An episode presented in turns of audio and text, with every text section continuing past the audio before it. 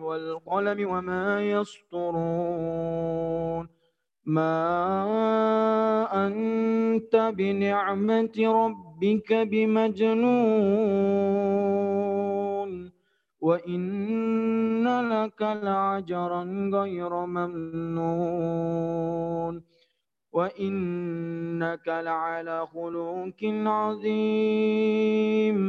فستبصر ويبصرون بأيكم المفتون. إن ربك هو أعلم بمن ضل عن سبيله وهو أعلم بالمهتدين. فلا تطع المكذبين. ودوا لو تدهنوا فيدهنون ولا تطع كل هلاف مهين هماد مشاء بنميم مناء للخير مع معتد عصيم أتل بعد ذلك زنيم أن كان ذا مال وبنين إذا تتلى عليه آياتنا قال ساتر الأولين سنسم على خرطوم إن بلوناهم كما بلونا أصحاب الجنة إذا أقسموا ليصرمونها مسبهين ولا يستثنون صدق الله العظيم. السلام عليكم ورحمة الله وبركاته. Cara selanjutnya, sambutan dari Ibu Dekan, Ibu Ceria Hermina MP Psikolog. Waktu dan tempat kami persilahkan.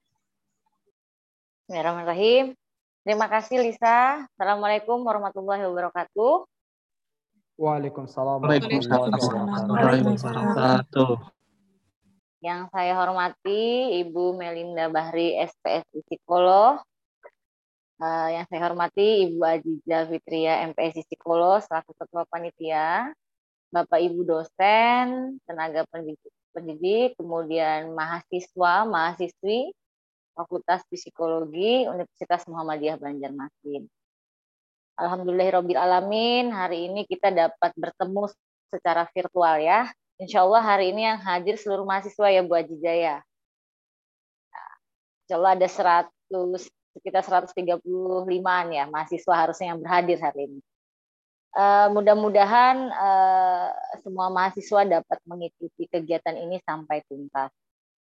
Terima kasih Bu Wenda atas kesempatan hari ini yang di uh, meluangkan waktu untuk mengisi kegiatan rutin kami uh, kuliah umum yang sebenarnya ini seharusnya dilakukan ketika mengawali semester apa semester baru gitu. Uh, tapi nggak apa-apa lah, kan kita baru jalan dua minggu. Uh, hari ini kita baru melaksanakan, insya Allah tidak mengurangi uh, keinginan kita untuk belajar. Uh, tema yang diambil sangat menarik, yaitu proses pelaksanaan dan keterampilan dalam dukungan psikologi awal. Uh, kita sempat ber, berdiskusi kemarin di uh, forum rapat kita bahwa ini penting, masukan ini penting, kata Bu Ajija juga ini adalah hal yang penting untuk bekal mahasiswa ketika nanti di lapangan. Tidak hanya menunggu ketika ada bencana, tapi mereka sudah memiliki minimal eh, apa ya eh, pengetahuan awal tentang dampingan psikologi ini. Apalagi fakultas kami yang berorientasi pada eh, kesehatan mental masyarakat, yang tentunya ini adalah salah satu langkah yang baik bekal yang disiapkan teman-teman mahasiswa mahasiswi Fakultas Psikologi UMB khususnya ketika nanti uh, dibutuhkan di lapangan. Uh, narasumber kita hari ini sudah sangat luar biasa ya.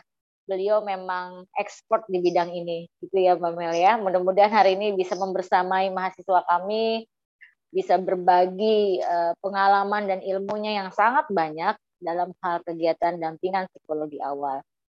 Sekali lagi saya mengucapkan terima kasih kepada seluruh panitia yang sudah uh, menyiapkan kegiatan ini hingga terlaksana pada hari ini. Semoga kalau kita virtual ini berdoa semoga jaringan kita bagus sampai selesai sehingga kita bisa uh, uh, mengikuti kegiatan ini hingga tuntas.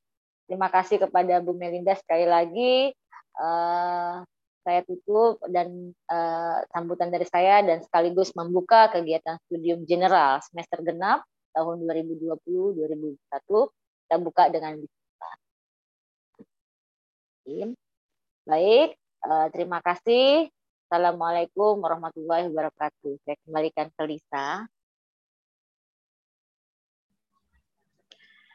Terima kasih kepada Ibu Dekan. Uh, acara selanjutnya adalah pembacaan doa yang akan dibacakan oleh Saudara Muhammad Nur Faujan, mahasiswa Fakultas Psikologi semester 4. Kepada Saudara Faujan, dipersilahkan. Assalamualaikum warahmatullahi wabarakatuh. Bapak dan Ibu serta para hadirin sekalian, marilah kita memohon kepada Allah Subhanahu wa taala semoga kita selalu diridhoi olehnya dan semua yang kita lakukan kegiatan hari ini hingga selesai nanti tercatat sebagai pahala di sisinya. Amin. A'udzubillahi minasyaitonirrajim. Bismillahirrahmanirrahim. Alhamdulillahirabbil alamin. Hamdan yuwafi ni'amahu wa yukafi mazidah. Ya Rabbana lakal hamdu kama yang li jalali wajhika wa azimi sultanik. Allahumma salli ala Muhammad wa ala ali Muhammad. Rabbana zalamna anfusana wa illam taghfir lana wa tarhamna lanakunana minal khasirin. Rabbana wa la tahmil alaina isran kama hamaltahu ala allazina min qablina. Rabbana wa la tuhammilna malatha warhamna anta maulana fansuruna 'alal qaumil kafirin rabbana fir lana wali walidaina wali jami'il muslimina wal muslimat wal mu'minina wal mukminat innaka ala kulli syai'in qadir Ya Allah, pada hari ini kami melaksanakan stadium general dengan tema proses pelaksanaan dan keterampilan dalam dukungan psikologi awal. Ya Allah, jadikanlah acara kami ini sebagai majelis ilmu yang bermanfaat, sebagai pembangkit semangat bagi kami dan bermanfaat bagi kemajuan bangsa kami. Ya Allah, ilhamkanlah kepada kami kecerdasan dan lindungilah dari godaan setan yang terkutuk. Ya Allah, Terangilah hati kami dengan cahaya petunjukmu, sebagaimana engkau telah terangi hati hamba-hambamu yang soleh. Ya Allah, lapangkanlah dada kami, serta mudahkanlah kami dalam menimba ilmu dan menjalankan setiap amanah yang kami emban. Ya Allah, semoga dalam kegiatan ini melahirkan orang-orang yang cerdas, orang-orang yang soleh, orang-orang yang bermanfaat untuk orang lain, bertanggung jawab serta profesional dan fastabikul khairat. Rabbana atina fid dunya hasanah wa fil akhirati hasanah wa qina azabannar. Subhana rabbika rabbil izzati amma yasifun wa salamun alal mursalin walhamdulillahi rabbil alamin. Assalamualaikum warahmatullahi wabarakatuh. Terima kasih banyak kepada Saudara Muhammad Darfawijan. Cara selanjutnya adalah pemaparan materi yang akan dimoderatori oleh Ibu Rizna Febriani, SPSI MC, narasumber kita Linda Bahri, SPSI Psikolog. Uh, kepada Ibu Rizna selaku moderator, saya MC mempersilahkan.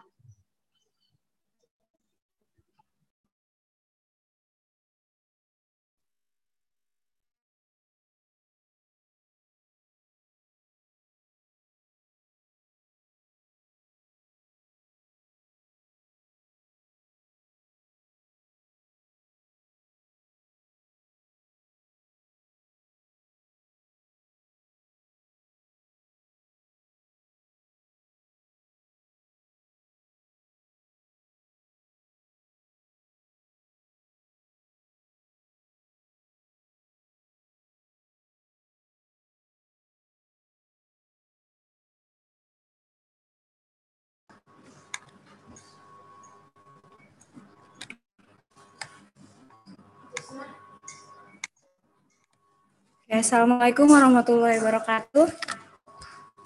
Waalaikumsalam warahmatullahi wabarakatuh. Mohon maaf. eh,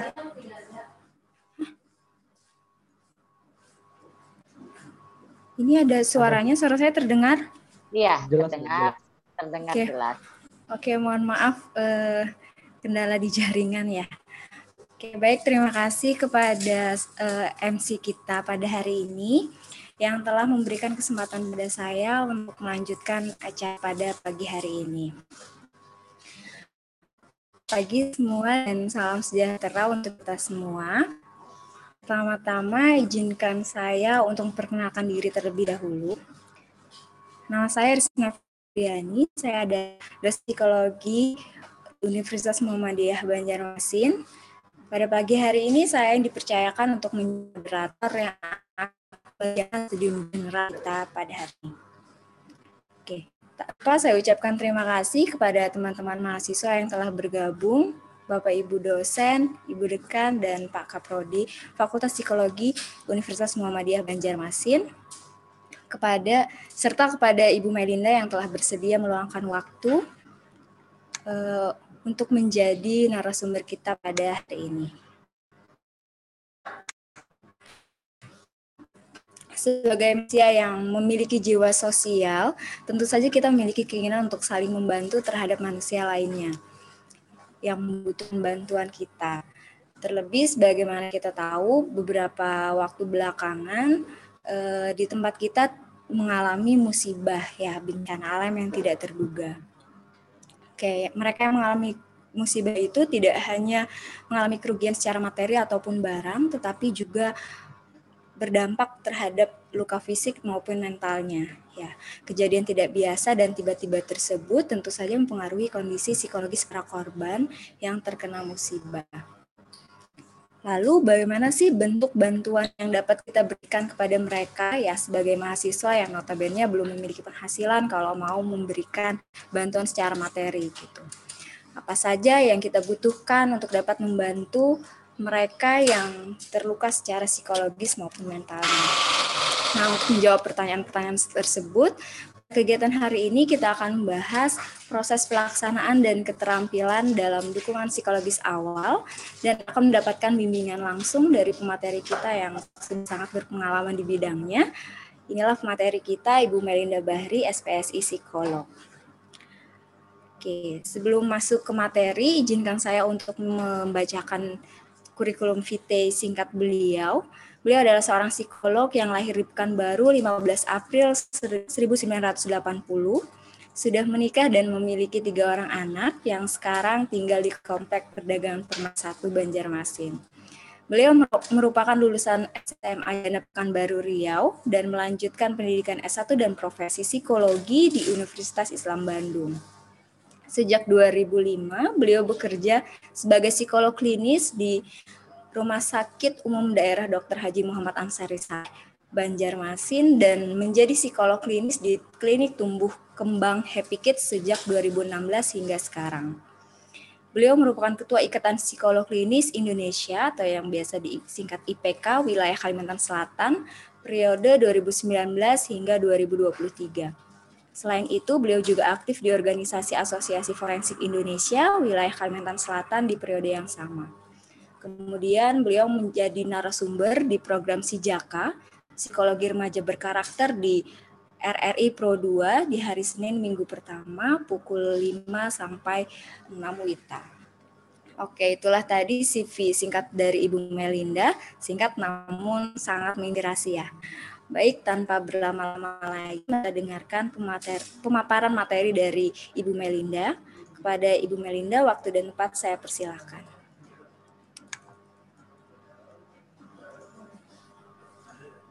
Ya, baik. Assalamualaikum warahmatullahi wabarakatuh. Terima kasih Mbak Risna. Aduh, saya malu nih. Kelihatan sudah tua ya di kurikulum vitae-nya ya. Suara saya terdengar? Dengar ya. Uh, mungkin nanti saya akan uh, share slide sendiri, bisa ya? Karena ada uh, beberapa slide yang saya tambahi tadi malam. Jadi, uh, mungkin saya akan share slide sendiri. Bisa ya? Oke. Okay. Uh, Assalamualaikum warahmatullahi wabarakatuh. Uh, uh, Dekan Prodi Psikologi Universitas Muhammadiyah Banjarmasin, Ibu Hajah Ceria Hermina yang selalu ceria ini ya. Alhamdulillah. Yang saya hormati Kak Prodi, Pak Fikri, dan seluruh dosen UMB yang mungkin tidak bisa saya sebutkan satu persatu, tapi sebagian besar ini adalah teman-teman dan rekan kerja saya juga, teman-teman seprofesi, ada Bu Dita, ada Bu Rizky, ya. Uh, siapa lagi nih ya, ya, dan ibu dosen yang lain serta mahasiswa psikologi yang sangat saya sayangi. Salam sejahtera, salam sehat, uh, salam bahagia untuk kita semua. Oke, okay. alhamdulillah uh, pagi hari ini saya bisa hadir di tengah-tengah masyarakat UMB. Ini maaf saya ada kesalahan teknis pagi-pagi harus mengerjakan klien satu orang. ya. Masih kedebrak-kedebruk jadi masih menggunakan masker. Harusnya saya udah karena saya sendiri teman kerja saya kemudian lagi uh, sakit. Jadi saya sendiri hari ini di poli. Udah titip pesan sih di loket pagi-pagi kalau saya hari ini izin. Ternyata kecolongan satu. Pasien saya nggak apa-apa. Oke, okay. uh, eh, Alhamdulillah atas undangan, terima kasih, saya bangga sekali.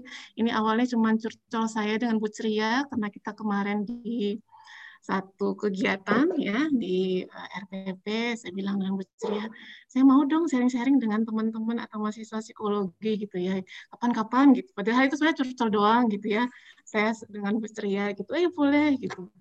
Uh, karena saya senang ya maksudnya uh, buat saya ilmu itu saya pun meskipun sudah hampir 15 tahun bergelut di uh, apa namanya pelayanan psikologi tapi namanya ilmu itu berkembang terus. Saya belajar dengan siapa saja gitu ya termasuk mahasiswa. Saya senang banget kalau udah diskusi dengan mahasiswa pengalaman mereka tentu juga pengetahuan mereka juga masih fresh gitu ya. Saya senang sekali.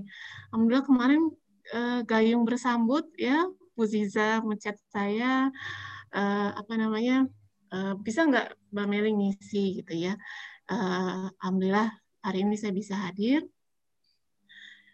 di tengah-tengah masuk UMB. Kemudian sebentar ya.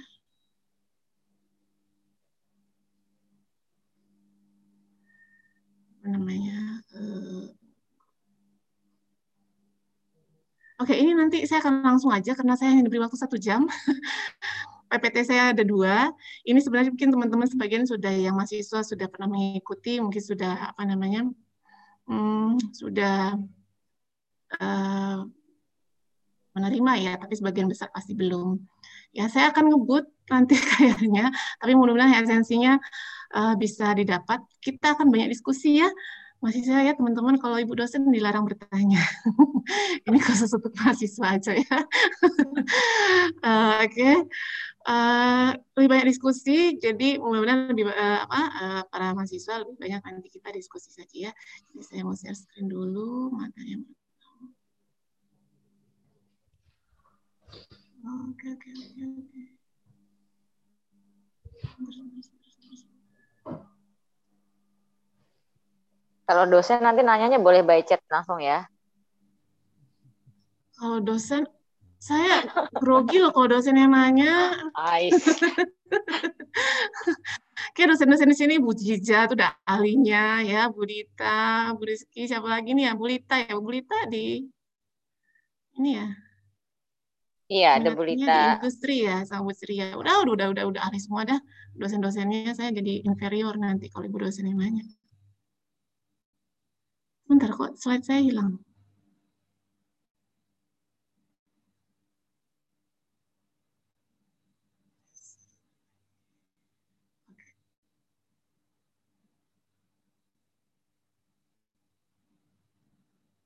Sudah terlihat? Sudah, Bu. Sudah ya? Oke. Dukungan psikologis awal the helping relationship. Ya ini uh, saya mengambil dari uh, Browner ya. Jadi dalam helping relationship itu ada beberapa kegiatan uh, pertemuan dengan uh, individu atau klien ya. Ada beberapa bentuk pertemuan atau relasi menolong ya saya ambil dari Brown Lawrence Bromer ya Lawrence Bromer. Saya ambil dari situ Kemudian, nah, the helping relationship itu ada beberapa bentuk, ada dukungan psikologis awal, ada psikokonseling, ada psikoedukasi, dan ada psikoterapi.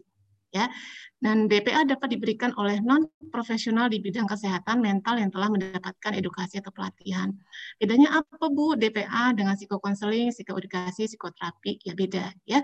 Psikokonseling itu sudah lebih masuk itu eh, kita sudah melakukan hmm, namanya ada perubahan modifikasi perilaku ada tahap-tahapannya. Tentu itu dilakukan oleh profesional psikolog.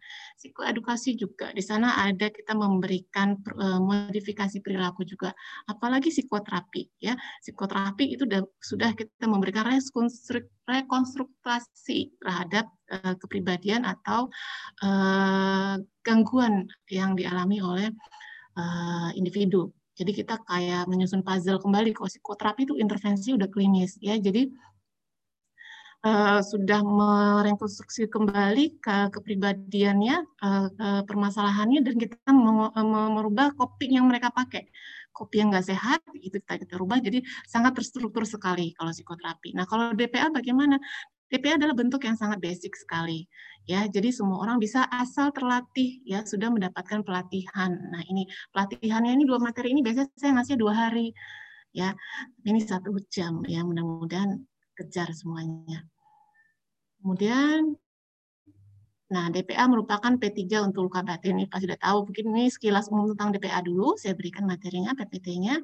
Ya, ibaratnya kalau misalnya ada P3 medis, ya sama. Jadi adalah pertolongan pertama yang bisa kita berikan secara psikologis bagi orang yang mengalami masalah psikologis. DPA merupakan keterampilan sederhana untuk menghindari masalah menjadi gangguan yang lebih berat.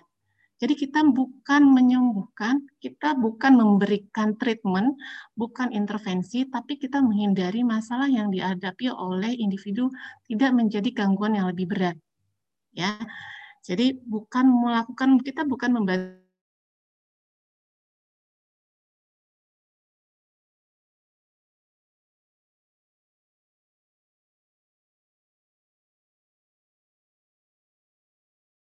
tentu memecahkan permasalahan. DPA cari uh, kejadian apa yang pernah dia alami, uh, simptom-simptom dari gejala yang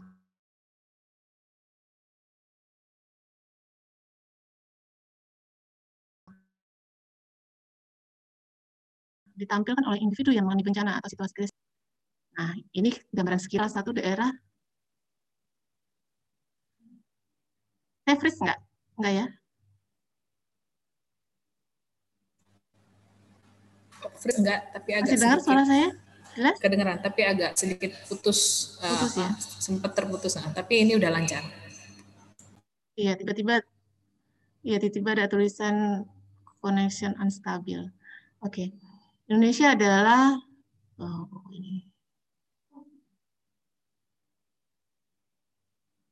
Salah satu daerah yang rawan bencana, baik bencana alam, banjir, gempa, erupsi gunung, dan sebagainya. Ya, Setiap tahunnya banyak bencana yang terjadi dan mengakibatkan banyaknya orang terdampak bencana. Selain itu, manusia bisa berhadapan dengan situasi krisis seperti kehilangan kematian orang yang dikasihi, persoalan personal, keluarga, pandemi, dan krisis ekonomi, serta krisis komunitas, dan lain sebagainya.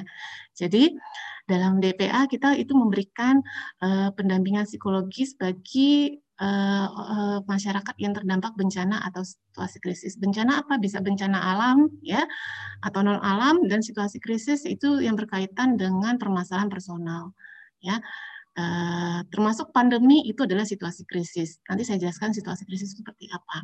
Ya, jadi Indonesia itu apalagi tahun-tahun kemarin ya banyak sekali bencana yang terjadi ya mulai dari bencana alam, kecelakaan pesawat gitu ya teman-teman IPK eh, di Pontianak ya di uh, Kalimantan di Kalbar. Kemarin itu juga turun ya teman-teman psikolog juga turun uh, memberikan DPA ya. Itu juga juga satu salah satu bentuk yang kita bencana atau situasi krisis yang bisa kita berikan pertolongan pada masyarakat atau keluarga dari korban yang terdampak ya. Jadi bencana apa saja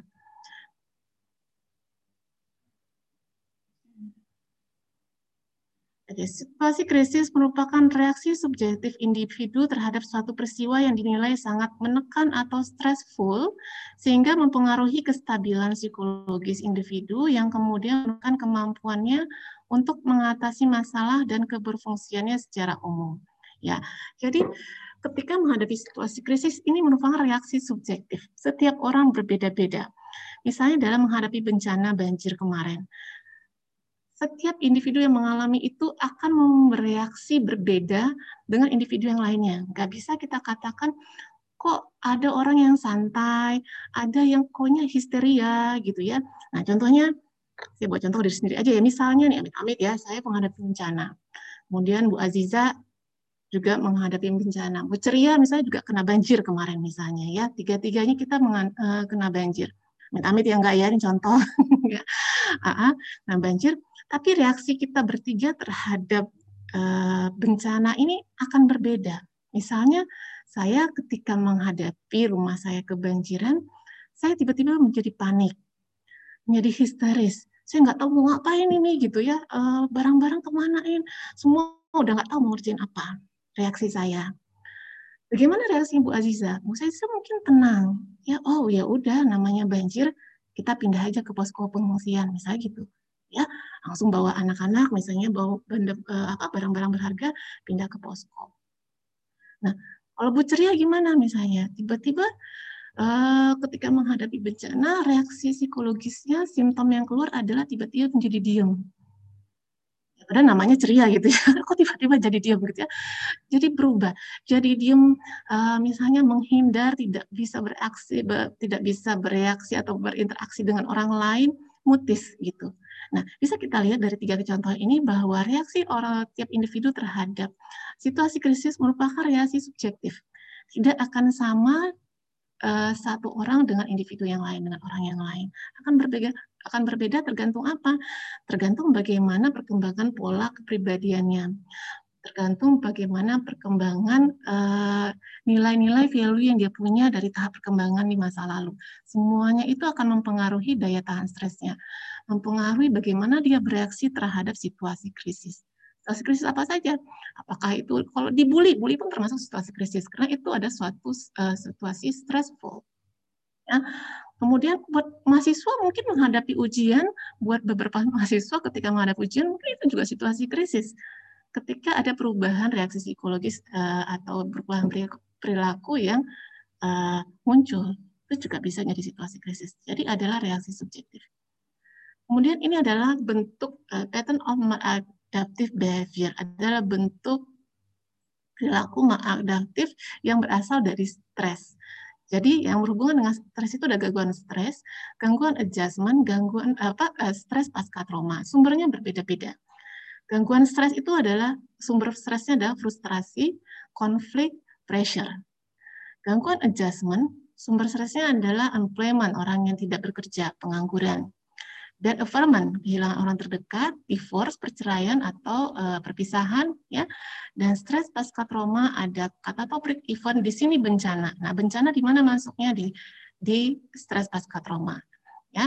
Rape, perkosaan, uh, being oppression of war, misalnya Sandra di uh, korban korban Sandra waktu peperangan, ingat dulu ada wartawan Metro TV yang pernah di Sandra dulu ya, ya uh, kejadian udah lama sekali. Nah itu juga bisa uh, mengalami yang namanya stres pasca trauma, kemudian buying held hostage, uh, ditahan atau dikurung misalnya atau uh, terpaksa force relocation tiba-tiba misalnya kayak orang digusur gitu ya terpaksa pindah itu namanya uh, itu juga menjadi bisa menjadi sumber stres yang akan berdampak pada stres pasca trauma.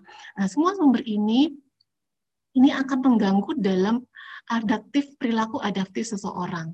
Setiap situasi krisis, setiap sumber stres itu merupakan dihayati sebagai situasi krisis yang akan merubah perilakunya tergantung daya tahan stres atau daya lenting resiliensi masing-masing individu. Ya, yang ringan aja gangguan stres bisa karena frustasi, uh, stresnya tadi ya bisa konflik, pressure.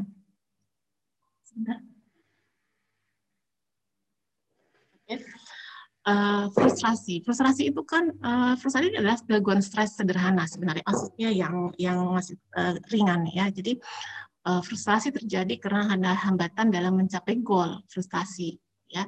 Itu jadi stres stres juga. Mau dihayati sebagai situasi krisis iya. Bisa mendapatkan DPA tentu gitu ya. Konflik juga menjadi sumber stres. Konflik itu apa? Konflik mungkin mahasiswa psikologi udah belajar. Nah saya senangnya memberi DPA hari ini karena ini mahasiswa psikologi ya. Jadi besar harapan saya tentu penanganannya dan uh, praktek nanti di lapangan akan berbeda dengan ini apabila dilakukan oleh uh, non psikologi ya. Nah konflik uh, mungkin pasti mahasiswa sudah belajar ya konflik uh, jenis-jenis konflik itu apa saja. Ya ada approach avoidant approach approach konflik dan uh, avoidant avoidant konflik. Namanya konflik tentu bisa menimbulkan stres kecuali approach approach konflik ya konflik yang enak saling enakan ya. Uh, misalnya uh, apa ya di antara uh, mahasiswa disuruh milih antara belajar di rumah ya atau ada kegiatan lain. Ini keduanya menyenangkan misalnya gitu ya. Itu itu konflik sebenarnya mau pilih yang mana. Tapi itu nggak akan tapi itu tidak menjadi sumber stres. Kenapa menyenangkan? Nah tapi konflik seperti apa yang banyak yang paling mudah menimbulkan stres adalah approach avoidance. Jadi e, bertentangan. Satu nggak pengen satu pengen gitu ya. Nah itu tentu akan menimbulkan e, sumber stres. Saya harus bagaimana gitu ya. Kemudian pressure tekanan ya menghadapi ujian misalnya ya mahasiswa uh, pasti sudah ada target-target dari dosen nilainya harus begini kalau nggak lulus nanti dapatnya ini sanksinya begini. Itu pressure. Pressure itu pressure yang dihadapi oleh mahasiswa oleh kalian itu bisa menjadi eustress ada menjadi jadi distress ya. Bisa menjadi stres yang memang mengganggu fungsi keberfungsian kita secara psikologis atau eustress justru yang katanya Bu Ceria, Bu Ziza kalau misalnya nilai segini itu nanti nggak lulus misalnya gitu itu menjadi motivasi itu eustress membangkitkan ya. Men-trigger kita untuk semangat belajar misalnya. Nah itu eh, ketika ketika sumber stres ini tidak bisa kita atasi nah itu menjadi eh, perilaku maladaptif nantinya ya. Jadi ini sumber-sumber yang bisa menjadi perilaku maladaptif. Nah, ini mekanisme stres. Ini kenapa? Jadi saya jelaskan mekanisme uh, ketika orang menghadapi situasi krisis atau bencana ya ada stressor, stress coping strategi. Ketika kita menghadapi stres, tentu kita menggunakan coping strategi. Itu sudah pasti. Kalau uh, coping strategi tidak efektif lagi, tidak bisa digunakan lagi, kita akan jatuh ke psikotik. Ya, nggak bisa lagi. Ketika menghadapi stres, tentu tubuh kita punya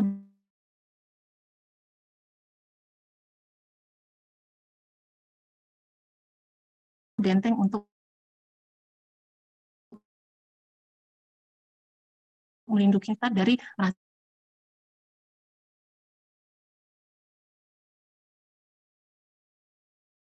rasa tidak nyaman ya. Butuh ada imun gitu ya imunitas ketika fisik kita bisa bisa tidak langsung. Terus juga psikis kita ada namanya strategi coping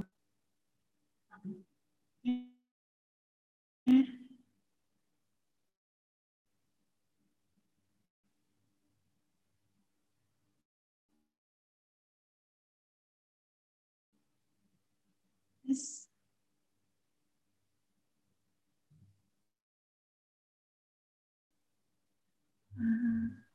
Kedengeran?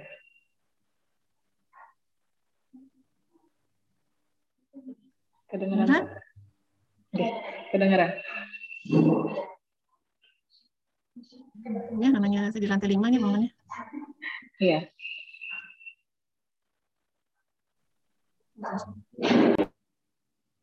Hmm.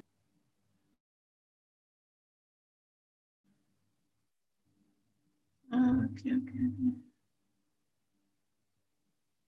Oke, jangan panik ya. jadi saya jadi panik. Ini Tenang gimana aja, ya? Kok tiba-tiba minimize ini saya? Biasa jaringan. Kok di minimize ininya? Slide saya nggak kelihatan lagi. Oh no, ya. Ya. Tapi di sini kelihatan Oh, juga bisa tampil kok slide-nya Bunga. Di layar kami slide-nya, Iya, saya slide-nya nggak masih tampil. Saya pencet apa tadi ya, kira-kira? Iya, tapi di saya nggak tampil. Oh my god. Nggak apa-apa, berarti coba di Oke, saya stop share dulu aja. ya, share, ya stop share dulu boleh. Terus coba share lagi. Udah ya, mulai lagi ya. Maaf ya gitu deh kalau misalnya nggak terlalu pinter-pinter amat dalam dunia digital begini ya. Boleh, boleh, silahkan. Iya, saya buka lagi. Kelihatan? Kelihatan Bu. Kelihatan Bu. Kelihatan nggak Ansar? Saya ketahunya Ansar nih. Kelihatan Bu. Kelihatan ya. Oke, saya lanjut. Oke, tadi sampai mana coping strategi ya? Nah, ketika eh, menghadapi eh, ketika individu menggunakan coping strategi, coping strategi itu sudah kita gunakan dari masa lalu, ya. Eh, eh, dari kecil itu sebenarnya kit- sudah terbentuk bagaimana ketika anak-anak menghadapi masalah itu pasti akan menggunakan sudah mulai terbentuk cara apa yang dia gunakan agar psikis dia terlindungi tidak tersakiti ya akan menggunakan coping strategi. Tapi anak-anak katanya eh, coping strateginya kan belum terlatih belum terampil ya. Ketika ada masalah yang memang dia tidak bisa selesaikan karena memang value nilai konsep moral yang didapatkan mungkin tidak terlalu matang biasanya anak-anak tuh pakainya repress. Repress repress ya ditekan ditekan ditekan gitu ya. Nanti berkembang lagi eh, ketika remaja pakai avoidance. Semua negatif coping strategi atau eh, unadaptive coping strategi ya jadi bukan eh, strategi yang adaptif. Nah kemudian eh, jadi masalah itu bukan terselesaikan tapi malah menjadi eh, apa namanya menumpuk nanti udah sangat sangat sangat eh, psikis kita penuh dengan berbagai permasalahan itu yang meledak nanti bisa menjadi gangguan kejiwaan. Ya, nah ini saya jelaskan singkat aja. Mungkin nanti teman-teman atau adik-adik sudah belajar ya tentang coping strategi. Nah, adakah eh, strategi coping eh, yang adaptif? Ada, adaptive level. Nah, ini yang harus sebenarnya dikembangkan oleh manusia yang harus kita latih ketika menghadapi masalah. Misalnya apa? Suppression. Yang merepress masalah tapi secara sadar.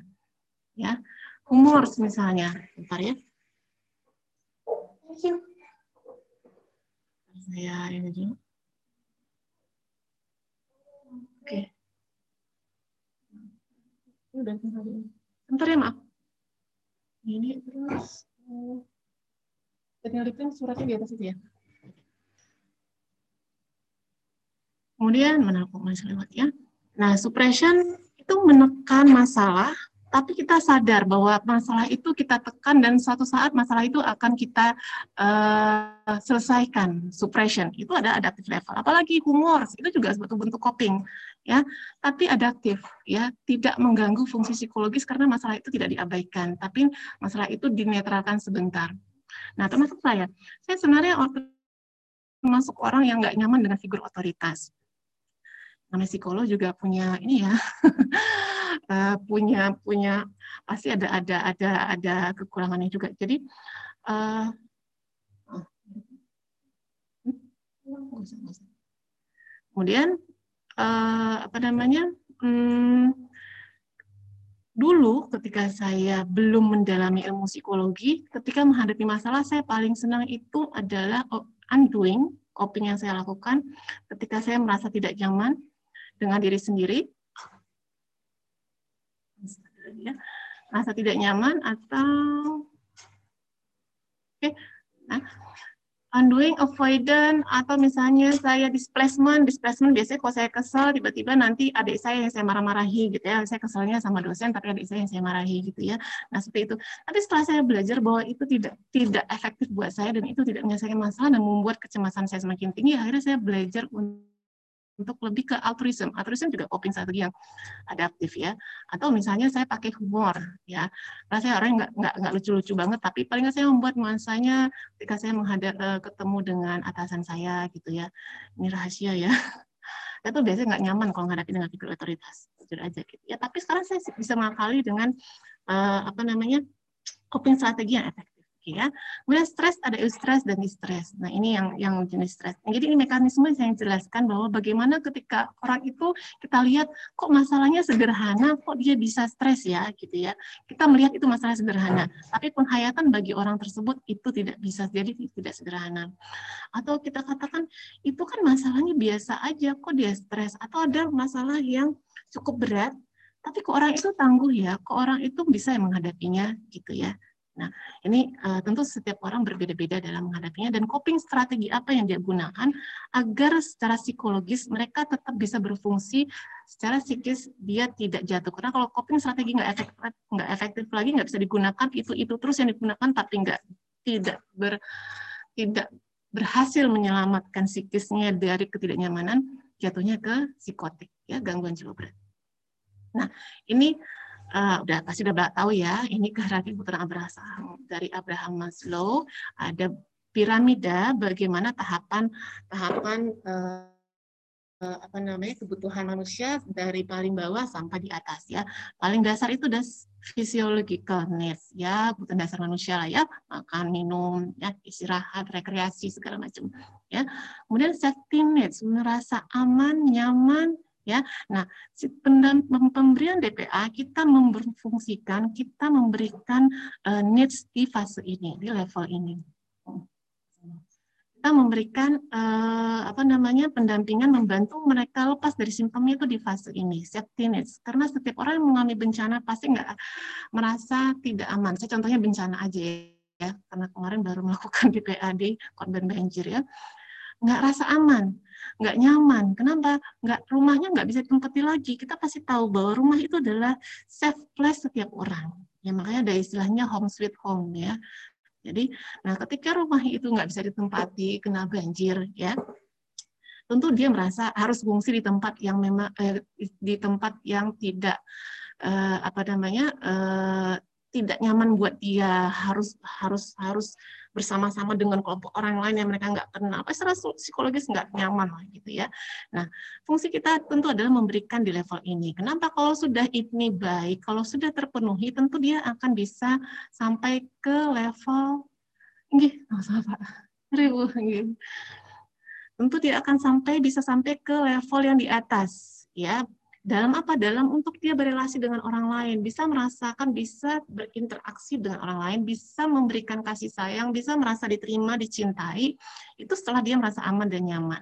Nah, ketika DPA kita tidak berhasil di fase ini, dalam arti kata, eh, bukan nggak berhasil ya, eh, tapi eh, ternyata orang ini masih merasa nggak comfort, merasa merasa nggak masih nggak nyaman secara psikologis, masih merasa uh, apa namanya masih ada gangguan psikologis yang membuat dia bisa aja gelisah, terus bisa merasa kesepian seperti itu, tentu dia akan sulit. Nah, jadi memang uh, fase yang kita berikan di fase ini. Nah, ketika udah sampai, ketika dia sudah nyaman secara psikologis, uh, dia sudah memahami, tahu apa yang harus dilakukan, bagaimana pemecahan masalah, sampai ke tahap yang berikutnya. Ini masih uh, psychological psychological needs ya.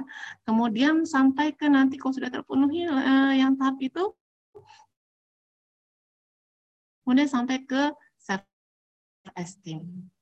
Esteem merasa dengan keluarganya, dengan orang lain, terus ada rasa keberhargaan diri sendiri. Oh iya, ternyata saya itu diterima ya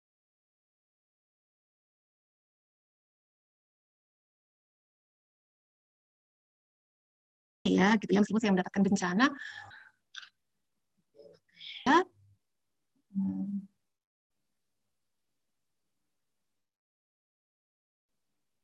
okay, agak freeze. Kemudian ketika dia sudah uh, self esteemnya, harga dirinya sudah dia rasakan bahwa dia berharga, tentu yang paling tinggi adalah self aktualisasi diri. Ya bisa mengaktualisasikan dirinya, bisa beraktivitas sesuai dengan uh, uh, apa namanya potensi yang dia miliki. Ya tidak ada hambatan. Nah ini yang hierarki yang membuat orang bisa akhirnya merasa bahwa dalam beraktivitas uh, dia sehat secara psikologis. Kemudian dampak bencana atau krisis fisik, ya nafsu makan berkurang, ada keluhan sakit fisik, ya pasti namanya apalagi bencana ya pasti uh, penyakit-penyakit dasar demam, biasanya batuk, ya diare itu adalah uh, reaksi-reaksi fisiologikal akibat dari perubahan situasi atau bisa perubahan uh, apa namanya konsumsi sehari-hari misalnya makan dan lain-lain.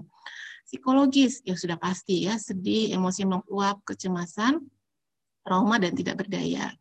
Kemudian sosial kehilangan keluarga kehilangan tempat tinggal stigma pembatasan akses dari masyarakat nah ini yang yang juga perlu uh, memang DPA kita tidak mengintervensi tidak memberikan tidak membantu memecahkan masalah tapi sebenarnya membantu sebenarnya juga uh, apa namanya harapannya ketika orang tahu bahwa uh, kesehatan psikologis itu penting Eh, apalagi untuk orang-orang yang terdampak bencana atau situasi krisis, harapannya apa? Bahwa yang dibutuhkan ketika bencana kan bukan hanya kebutuhan dasar ya, makan, minum, ya tempat untuk aman, tapi juga stigma. Nah ini stigma ini selap, uh, yang lagi memang lagi jadi concern kita, apalagi selama pandemi ini ya, uh, ini salah satu yang menghambat seseorang untuk ber, uh, kembali bisa berdaya di lingkungan masyarakatnya.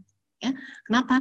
Karena uh, stigma itu kan ada labeling, ya, misalnya uh, labeling itu juga salah satu hal yang sangat uh, muncul lagi situasi krisis lagi gitu ya. Kenapa? Ya, lahir?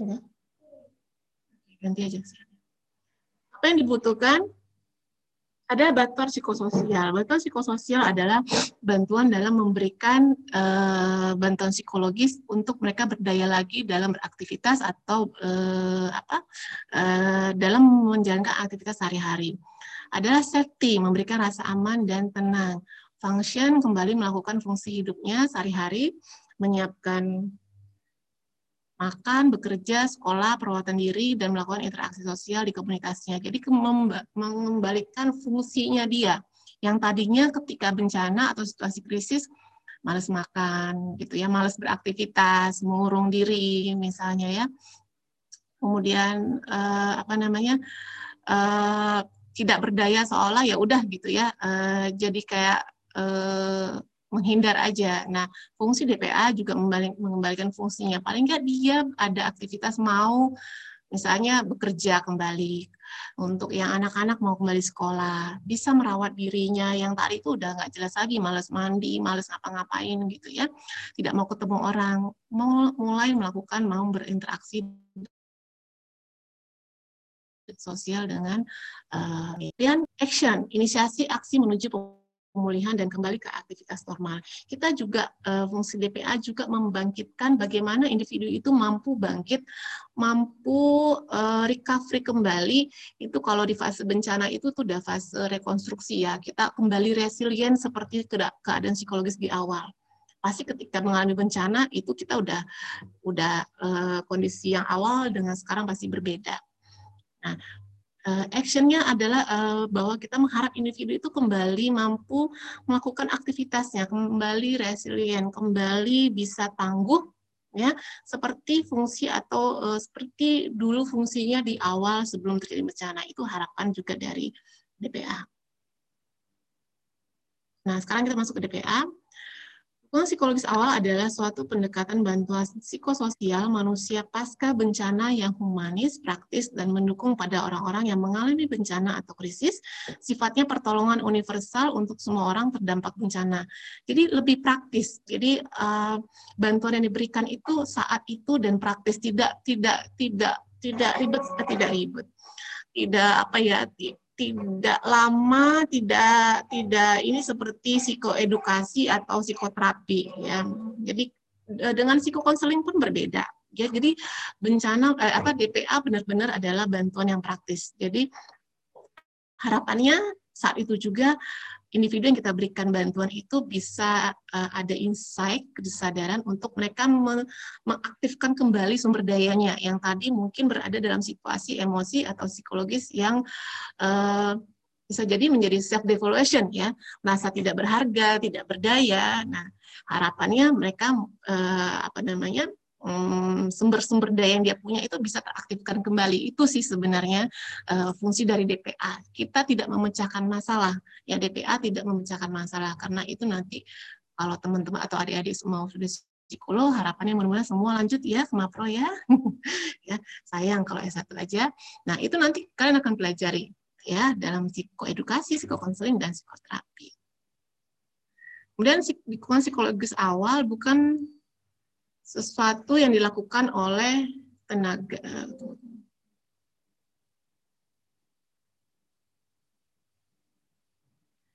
bukan sesuatu yang harus dilakukan oleh tenaga profesional. Jadi DPA itu nggak harus dilakukan oleh psikolog, ya bisa siapa saja. Ya, tadi ya asal penting yang terpenting adalah sudah terlatih atau mendapatkan edukasi. Kenapa? Karena kalau nggak dapat kalau tidak relawan itu tidak mendapatkan pelatihan DPA, yang ada nanti ke lapangan kita menghadapi orang-orang yang bermasalah secara psikologis. kita berhadapan dengan orang-orang yang uh, sedang tidak nyaman dengan dirinya sendiri, kemudian kita memberikan pertanyaan atau melakukan wawancara itu yang tidak terstruktur dalam arti kata yang kita tahu nggak tahu apa yang harus ditanyakan. Kita nggak tahu apa yang nggak boleh dilakukan. Akhirnya oh udah gitu macam-macam yang diberikan yang ada apa tentu ada akan menambah masalah baru. Tentu akan menambah simptom-simptom psikologis yang muncul ya dari masyarakat itu harapannya. Bukan wawancara psikologis ya um, bedanya wawancara psikologis dengan enggak apa sih Bu gitu ya beda. Kalau wawancara psikologis itu dari wawancara itu kan kita mengumpulkan teknik dalam mengumpulkan data ya. Itu sudah terkandung dalamnya hipotesa ya. Jadi uh, kalau wawancara psikologis itu dalam setiap uh, data yang kita peroleh dari klien itu sudah dari hipotesa-hipotesanya. Misalnya ketika kita observasi dia selalu saja menunduk misalnya itu sudah hipotesa ini gangguannya apa gitu ya. Nah, dan itu hipotesa itu apa? Hipotesa itu kan harus kita uji kembali. Nah, itu kan yang kalau bedanya wawancara psikologis. No, panjang deh ribet gitu ya. Ininya uh, prosesnya panjang sekali kalau udah wawancara psikologis. Nah, tapi kalau wawancara uh, dalam DPA itu kita lebih uh, melihat kondisi dia saat ini. Apa yang dia butuhkan nanti saya ada slide berikutnya apa yang harus dilakukan ya apa yang dibutuhkan oleh uh, orang yang terdapat bencana dan bagaimana memberikan uh, ketenangan kenyamanan bagi uh, mereka. Tidak sama dengan konseling. Ya konseling ada terstruktur ya ada tahapannya dan ada tekniknya bukan intervensi psikologis. Ya, bukan intervensi psikologis karena kita tidak merekonstruksi kepribadiannya, tidak merubah copingnya, ya. Tidak memaksa menceritakan secara detail terkait perasaan dan masalah mereka. Jadi uh, dalam DPA jangan sekali-kali kita uh, apa namanya memaksa masyarakat atau individu untuk bercerita seolah kita pengen tahu nih sampai dia merasa uh, merasa kan pasti katakan saya merasa uh, apa namanya sulit tidur uh, mbak gitu ya. Saya merasa kok sekarang saya rasanya gelisah. Terus sebelumnya ibu punya riwayat riwayat apa? Pernah pernah kena gangguan apa? Nah itu kan secara detail. Atau dulu bagaimana? Nah itu itu tidak disarankan dan sangat tidak disarankan dalam TPA ya jadi kita memang melihat situasi saat ini Kemudian tujuan dukungan psikologis awal atau DPA adalah mengurangi stres serta tekanan psikologis, memberikan rasa tenang, nyaman, dan kembalinya harapan, mengembalikan perasaan berdaya, mampu mengendalikan diri, membantu mengakses informasi, dukungan sosial, terhubung dengan lingkungan dan sumber bantuan fisik, psikologis, dan sosial. Nah, ini yang penting. Selain kita juga um, membantu memberdayakan kembali potensi yang dimiliki oleh masyarakat yang terdampak bencana atau uh, dalam situasi krisis, kita juga uh, apa namanya salah satu fungsi DPA adalah memberikan informasi apa sih yang dibutuhkan oleh mereka. Nah, jadi salah satu juga prinsip DPA itu tidak link. Misalnya menghubungkan, menghubungkan tidak harus menghubungkan dengan tenaga profesional. Ya, misalnya menghubungkan dia merasa kesepian. E, misalnya orang itu merasa ketika terjadi bencana tidak ada e, apa tidak ada yang memperhatikan ya. Keluarga seolah-olah menjauhi itu kan uh, value uh, yang value negatif mungkin yang yang yang yang, yang dirasakan individu tersebut saat ini ya. Tugas kita mungkin bisa uh, memberikan ke informasi kepada individu tersebut ibu punya keluarga keluarga lain saya keluarga inti siapa saja? Gitu kan Misalnya, oh dia punya saudara di mana, di mana gitu kan. Coba ibu uh, terhubung dengan mereka dengan apa? Kita bantu misalnya dengan video call atau menelpon keluarga mereka terhubung. Kadang-kadang mereka itu bingung uh, dengan dengan apa namanya dengan situasi yang sudah seperti itu, mungkin aksesnya susah, sulit, dan kita bisa membantu menghubungkan dengan keluarganya salah satunya. Jadi tidak selalu menghubungkan itu dengan tenaga profesional, ya membuat orang menjadi lebih tangguh, resilient dalam menghadapi bencana atau krisis. Nah, ini yang penting. Ya. Karena eh, saya kemarin siapa ya? Kita ketika menghadapi bencana itu justru eh, karena bantuan yang banyak sekali ya dari stakeholder dari pemerintah dari mana saja itu eh, ternyata juga membuat masyarakat itu beberapa masyarakat nggak semua ya itu seperti ketergantungan gitu ya. Oh banyak stok makan sampai stok makanan itu berlimpah ruah gitu ya. Sehingga apa? Sehingga males untuk kembali beraktivitas. Uh, ter, uh, ter, menjadi dependensi dengan bantuan yang ada. Nah ini juga harus gimana mau resilient ya kalau dia terpaku atau apa namanya e, merasa nyaman selalu dibantu ya ya nggak usah kerja dia kan palingnya stok makan buat dua bulan cukup gitu gitu ya yang nggak bisa Nah, siapa yang melakukan DPA? DPA diberikan oleh relawan yang terlatih untuk memberikan bantuan psikososial secara tepat yang telah dibekali keterampilan dukungan psikologis awal melalui pelatihan dan pengembangan keterampilan memberikan bantuan psikososial.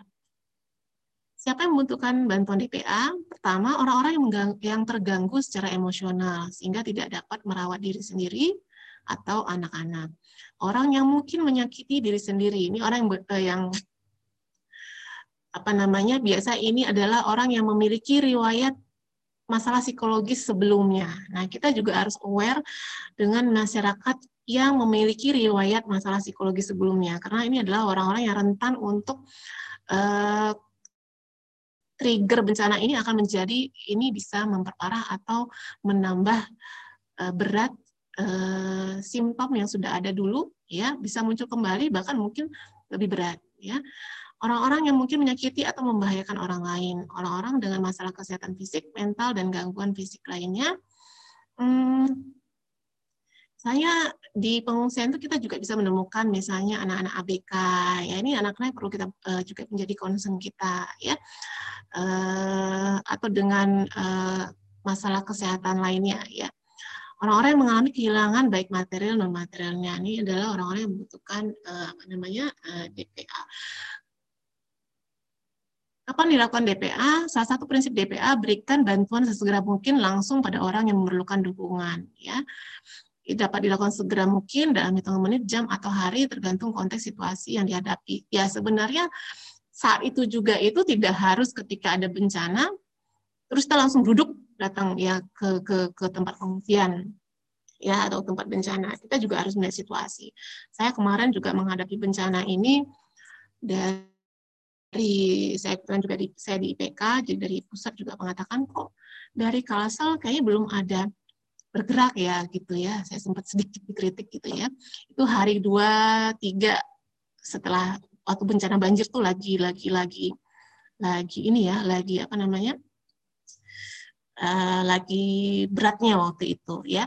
Nah saya memahami bahwa tidak mungkin saya langsung turun ke tempat pengungsian di dalam saat memang di mana-mana itu tidak bisa akses lewat pun tidak bisa kita lewati gitu ya. Jalan di rumah saya itu aja rumah saya alhamdulillah tidak kebanjiran tapi mau keluar itu tuh banjirnya cukup apa airnya cukup tinggi gitu. Jadi nggak mungkin saya bisa keluar. Nah itu yang saya jelaskan. Karena masyarakat juga butuh informasi ya ketika menghadap masyarakat lain gitu ya. Yang mungkin memberikan harapan besar bahwa eh, orang-orang uh, yang mem memang bisa memberikan relawan bisa memberikan DPA itu ayo segera gitu ya. Nah, saya berikan bahwa gimana gimana geografi di Kalsel, bagaimana uh, apa namanya uh, bencana banjir di Kalsel itu bukan bencana dalam satu titik dua titik saja, tapi yang tahun ini benar-benar merata ya, hampir di seluruh tempat itu kena gitu ya. Nah, itu yang saya jelaskan. Jadi kita tidak bisa juga langsung prok datang gitu ya. Kita juga harus berkoordinasi, kita harus ada persiapan juga. Karena paling dasar tentu yang dibutuhkan mereka adalah uh, visual uh, kebutuhan needs-nya dulu makan, minum, ya tempat tinggal gitu. Beda kalau bencananya seperti teman-teman saya memberikan DPA waktu uh, Sriwijaya Air uh, pesawat Sriwijaya Air jatuh ya di Kalbar. Itu mereka bisa langsung turun ke uh, ke bandara. Ya langsung turun ke bandara karena memang tidak ada akses atau barrier yang menghambat mereka untuk memberikan DPA ya jadi bisa langsung segera. Ya Kemudian di mana DPA dapat dilakukan? Nah, dukungan psikologis awal dapat dilakukan di berbagai tempat, di tempat terjadi krisis atau tempat berkumpulnya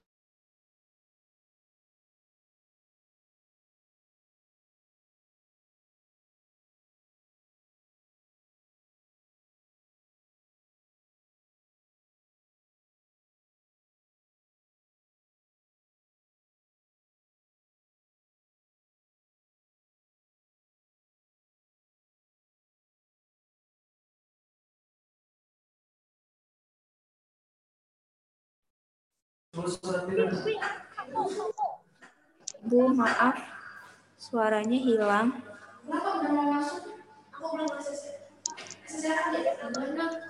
Saya kelempar ya? Ini udah, udah bisa, Bu. Oh, oh, oh, oh, oh. saya kelempar barusan. Iya. Masya Allah. Mana ya jaringannya? Ya maksud saya, saya lagi di, di lantai empat. Tunggu saya. Ini saya ngomong sendiri tadi tadi ya.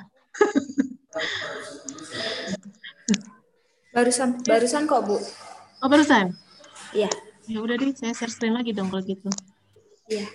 Silakan, Bu. Ya udah saya coba ganti sebentar saya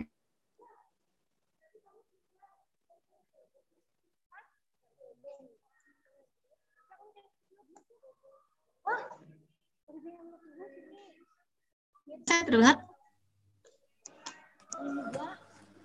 Iya, tapi putus, Bu. Ya, saya baru ganti ini, ya, ganti uh, apa namanya?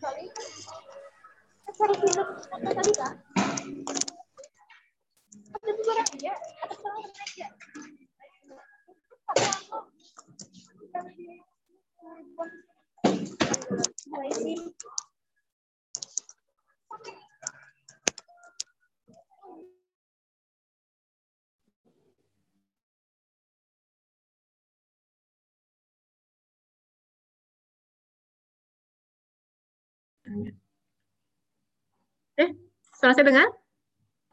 Ya, terdengar Ibu. Eh, sampai mana tadi ya? Sampai Ini sudah? sebelumnya. Iya, ini Bu. Sampai sini? Iya. Oh, sebentar. Oke. Ah, sabar.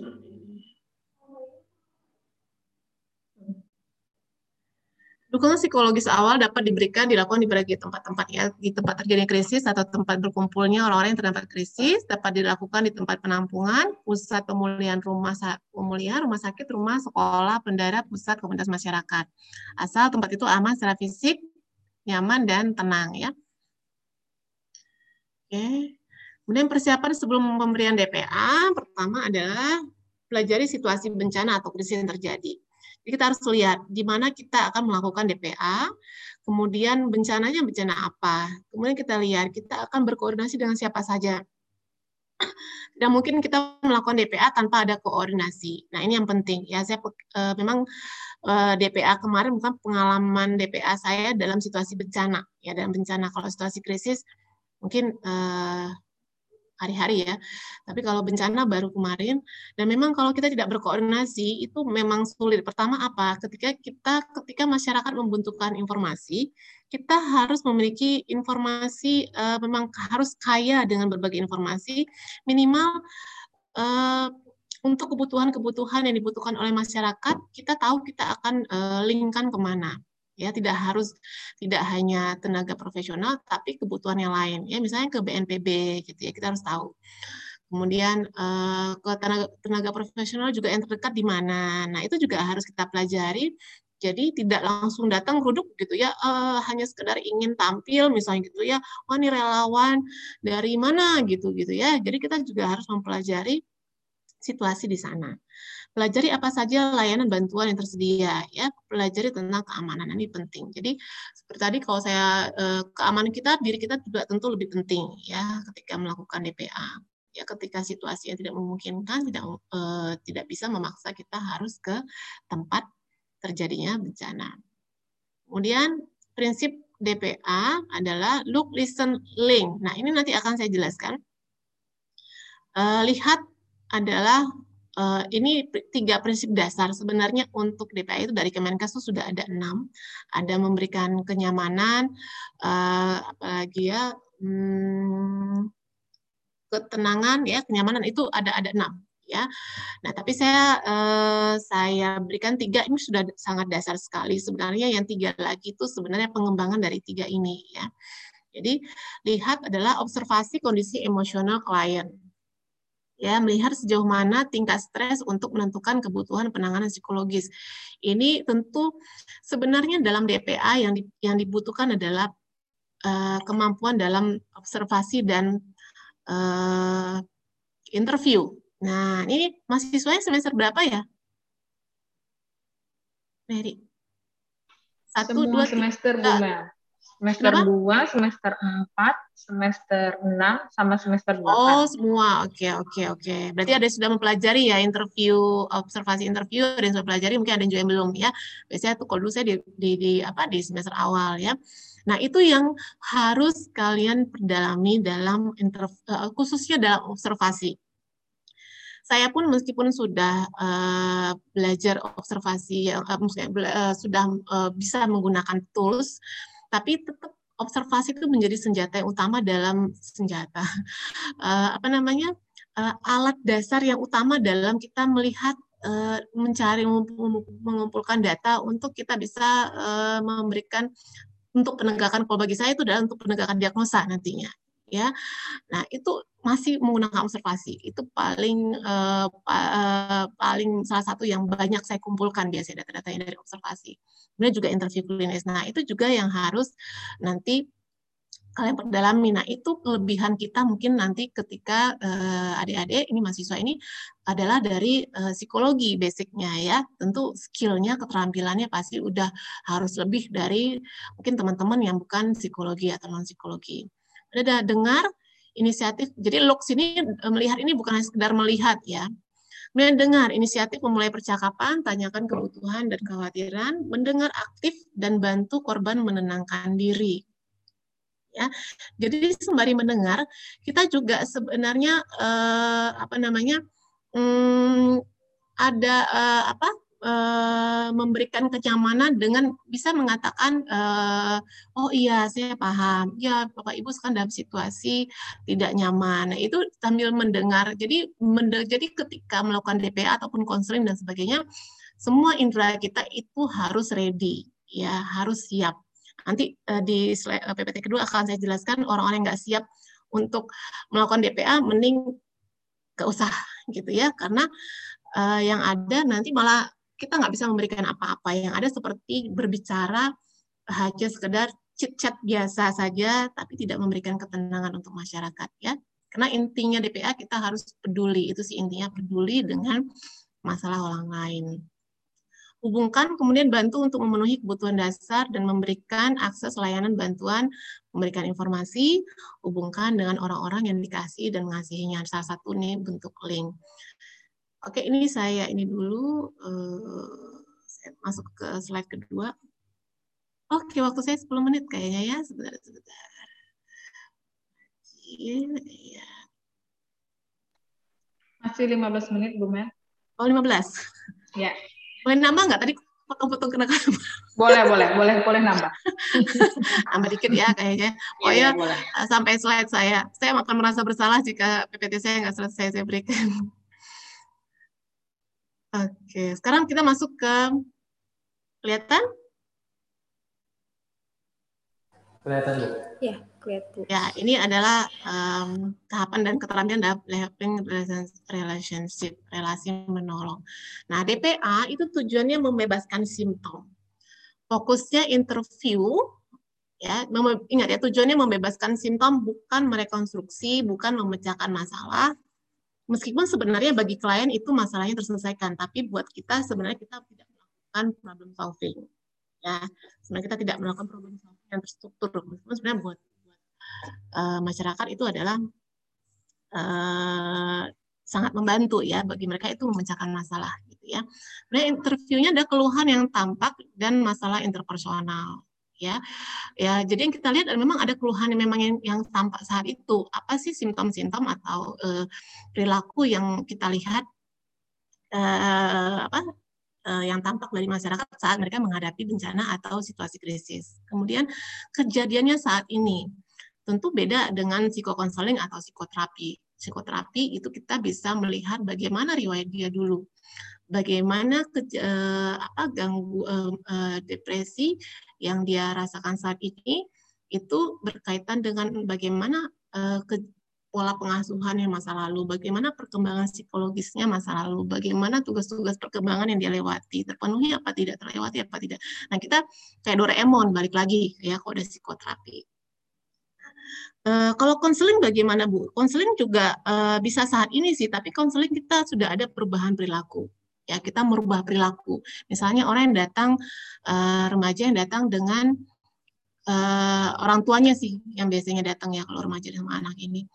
Uh, suka mencuri misalnya gitu ya perilaku suka uh, pernah bukan suka mencuri uh, pernah uh, pernah melakukan pencurian misalnya nah dalam konseling kita uh, memberikan perubahan perilaku perilaku mana yang baik perilaku mana yang sebenarnya ideal di masyarakat perilaku mana yang adaptif di masyarakat yang memang itu uh, harus dipenuhi oleh uh, tugas perkembangan remaja di usia dia misalnya. Nah, itu sudah termasuk dalam konseling. Nah, berbeda dengan DPA, berbeda ya. Dalam DPA kita tidak memberikan itu. DPA kita hanya memberikan apa? dukungan, reassurance dan katarsis emosi. Ya.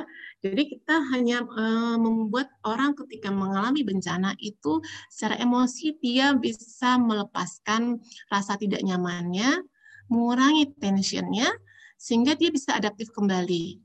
Adaptif kembali kalau orang sudah adaptif paling nggak uh, paling nggak dia bisa kembali ke uh, saat itu here and now gitu ya. Kita pahami bahwa orang dengan ketika terjadi bencana pasti nggak akan here and now ya tidak akan berada di saat ini. Akan teringat ketika rumah ketika banjir datang misalnya.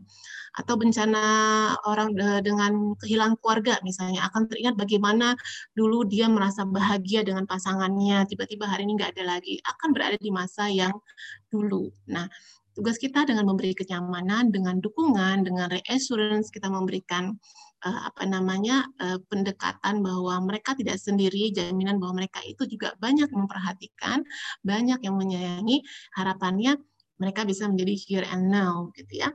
Nah, keterampilannya apa aja? Observasi. Observasi itu apa sih? Nah, apa sudah belajar ya? Saya jelaskan jelas saja. Tadi pengamatan yang membantu memperoleh data verbal, non verbal.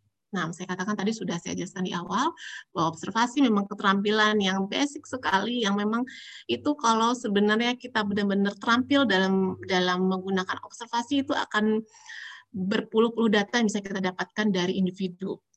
Ya dari verbal ungkapan ekspresi uh, dari ungkapan verbalnya atau non verbalnya gesturnya gitu ya. Kalau saya dulu belajar di psikologi itu ilmu pernyataan namanya ya. Jadi kayak belajar gestur gitu verbal dulu ya. Jadi bagaimana misalnya orang yang menggaruk hidung gitu ya. Uh, orang yang uh, apa sampai misalnya ketika konsul tuh meremas-remas barang tertentu apa apa saja bisa kertas tisu itu juga ada ada ada maknanya ya, ada interpretasinya. Nah, itu kalau kita peka itu akan banyak data yang bisa kita dapat ya. Juga dari ungkapan verbalnya. Kemudian interview. Teknik eksplorasi data yang akan menunjang dalam pemberian DPA. Ya, interview ya jelas ya. Nanti dalam interview akan saya jelaskan di slide berikutnya.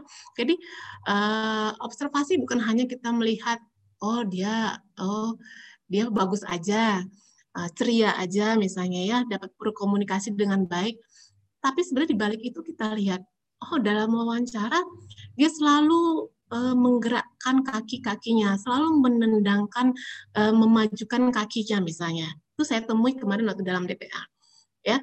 Dia selalu memaju-majukan kakinya. Uh, saya melihat itu hipotesa saya seperti dia melepaskan agresinya gitu ya. Ada rasa marah yang dia apa namanya dia simpan.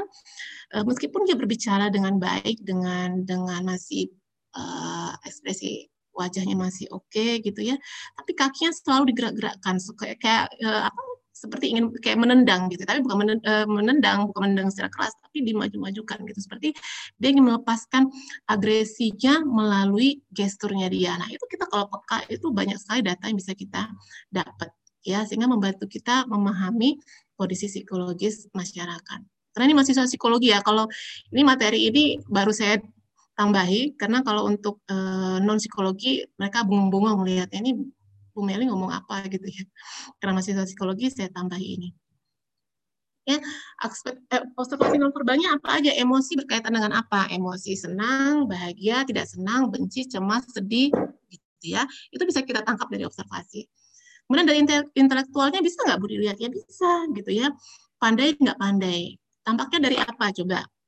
Saya tanya dulu mahasiswa, bisa nggak kalau misalnya ini kan teman-teman udah ada yang turun kemarin atau mungkin bisa pernah melakukan DPA atau misalnya pernah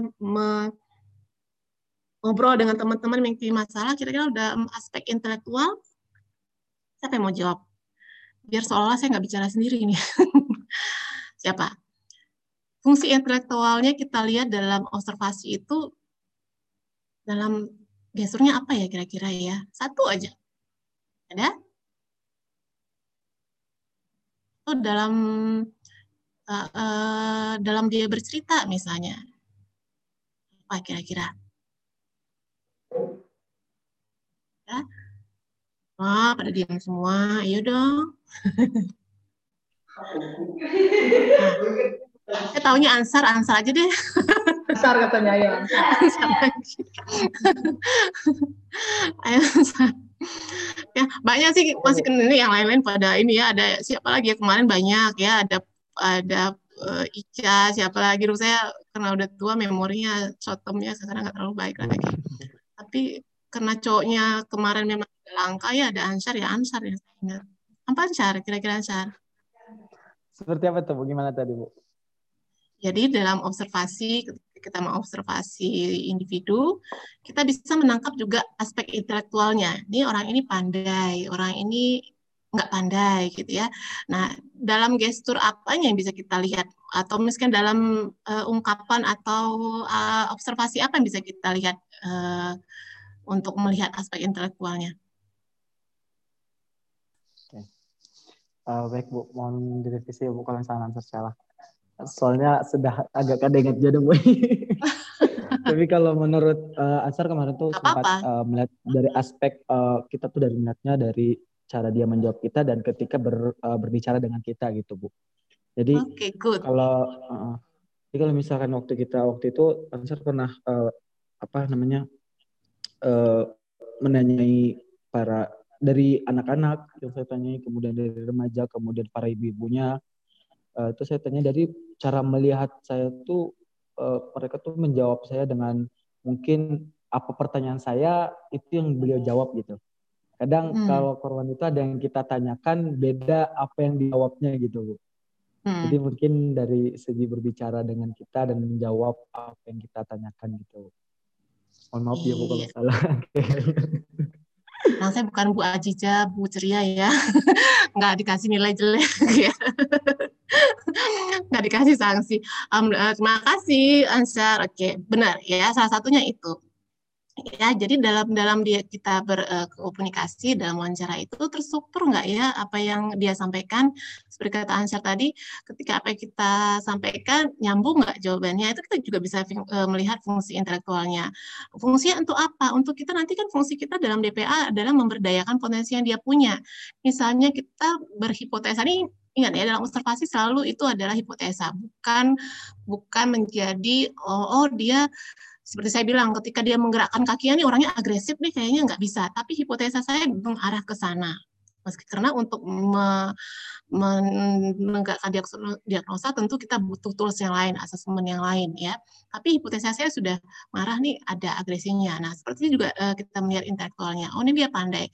Kalau dia pandai, misalnya terstruktur sekali dia dalam berbicara misalnya gitu ya dan dia runtun, kemudian uh, dia bisa dengan gamblang menceritakan. Nah, kita bisa mengatakan nih fungsi intelektualnya atau uh, apa namanya uh, eksekutif function dia, kemampuan pemahaman dan lainnya itu bagus gitu ya, ya cukup bagus lah gitu ya.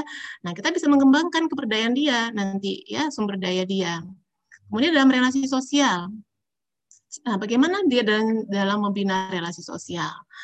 Bagaimana dia dalam mencari informasi untuk dia bisa kembali berinteraksi dengan orang lain. Bagaimana dia dalam menjalin komunikasi. Ini bisa, nah ini kunci penting. Ini yang menjadi uh, apa namanya uh, dasar kita bahwa orang ini masih bisa beraktivitas. Orang ini akan kembali eh, bisa kembali beraktivitas seperti dia kala karena memang pada dasarnya misalnya orangnya memang aktif secara sosial misalnya. Orang ini uh, afiliasi sekali misalnya ya. Uh, uh, punya punya ke relasi sosial yang bagus ataupun kalau misalnya dia tidak terlalu bagus misalnya dia hanya punya sedikit teman tapi uh, cara dia untuk ingin bersosial itu cukup tinggi. Nah, itu bisa kita berdayakan juga, bisa kita aktifkan sumber dayanya. Nah, itu tugas DPA ya. Nah, ini sebagai dasar dalam mengaktifkan sumber daya pada individu yang terdampak bencana atau krisis atau melakukan rujukan ke fasilitas kesehatan tenaga profesional. Nah, itu tadi kan yang bagus-bagus itu misalnya kan kalau dia pandai, dia punya apa kemampuan sosial yang bagus, dia cerita misalnya punya banyak teman, dia di sekolah aktif misalnya dalam organisasi atau untuk orang dewasa misalnya uh, tiap hari dia punya kegiatan ya misalnya masyarakat dia misalnya berjualan di pasar atau apa uh, dan uh, apa namanya punya punya apa namanya uh, uh, komunitas yang baik gitu ya bisa membangun relasi sosial itu mungkin mudah kita aktifkan. Tapi memang tidak semua bisa kita aktifkan sumber dayanya.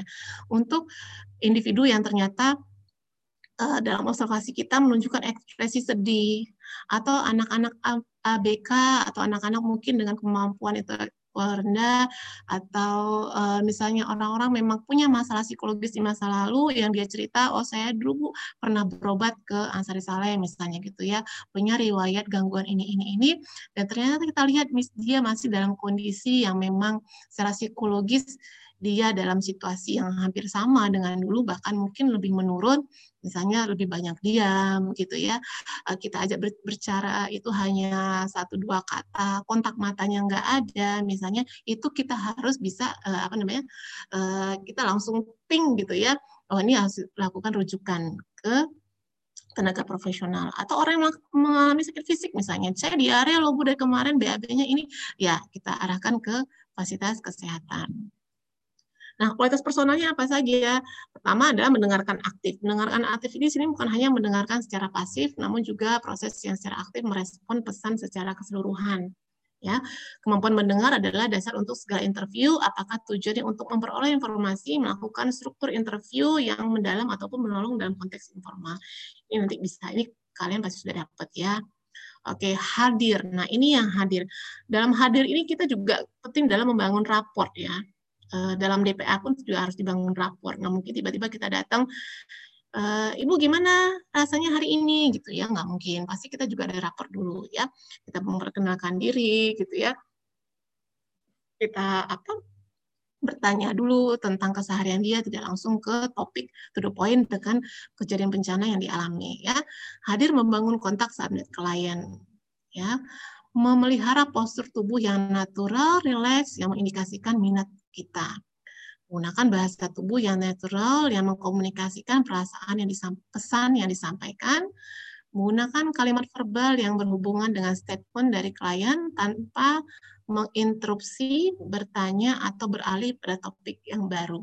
Sebenarnya dalam DPA kita lebih banyak listen, ya, mendengar ya karena orang dalam bencana itu dalam situasi krisis itu uh, lebih ingin katarsis ya lebih ingin mengeluarkan semua rasa nggak nyaman dalam dirinya ya. Lebih ingin didengarkan. Nah seperti itu ya. Nggak hanya orang dalam situasi bencana ya. Klien-klien saya di rumah sakit juga begitu. Kadang-kadang makanya saya sebenarnya eh, kemampuan verbal saya itu nggak terlalu bagus sebenarnya ya. Jadi saya kalau jadi dosen terakhir jadi dosen itu tahun 2010 ya. Kemudian eh, nggak lanjut lagi karena ada peraturan harus eh, S2 waktu itu karena saya program lama S1 profesi. Itu saya bersyukur sekali gitu ya. Dulu saya nggak bisa menghindar untuk jadi disuruh jadi dosen karena dulu masih terbatas ya orangnya ya. Sekarang udah banyak sekali. Nah, ini sudah teman-teman dosen luar biasa. Jadi memang saya kemampuan verbal saya nggak terlalu bagus memang uh, nggak terstruktur lah gitu ya. Tapi untuk untuk re, dalam relasi konseling uh, karena lebih banyak mendengar dan kalaupun ada kemampuan verbal itu lebih berdasarkan data-data uh, data-data apa namanya hmm, data klinisnya gitu ya ada teorinya. Saya lebih gampang menyampaikan kalau ibu dosen seperti ibu-ibu di sini uh, aduh luar biasa. Saya saya jempol deh gitu ya. Saya memang nggak berbakat buat jadi dosen. Oke, jadi kalimat verbal yang kita sampaikan itu juga harus uh, dimengerti dan tidak banyak untuk menginterupsi atau uh, apa namanya uh, ya lebih banyak mendengar sebenarnya ya karena mereka terkadang butuhnya didengar. Kemudian paraphrasing, mengulang pesan dasar yang sama namun dengan kata lebih singkat. Kadang-kadang orang tuh cerita terus gitu ya. Nah, kadang-kadang eh, dia nggak tahu apa yang diceritakan tuh sebenarnya intinya apa gitu ya. Misalnya saya bosan di rumah saja, tidak ada yang dikerjakan. Orang tua suka marah-marah, saya bingung mau ngapain. Tidak ada yang peduli dengan saya gitu ya. Mungkin ini masih panjang, ini hanya 10 menit eh, kalimatnya gitu ya kita bisa menyingkat pesan yang disampaikan agar dia paham bahwa yang disampaikan itu adalah ini.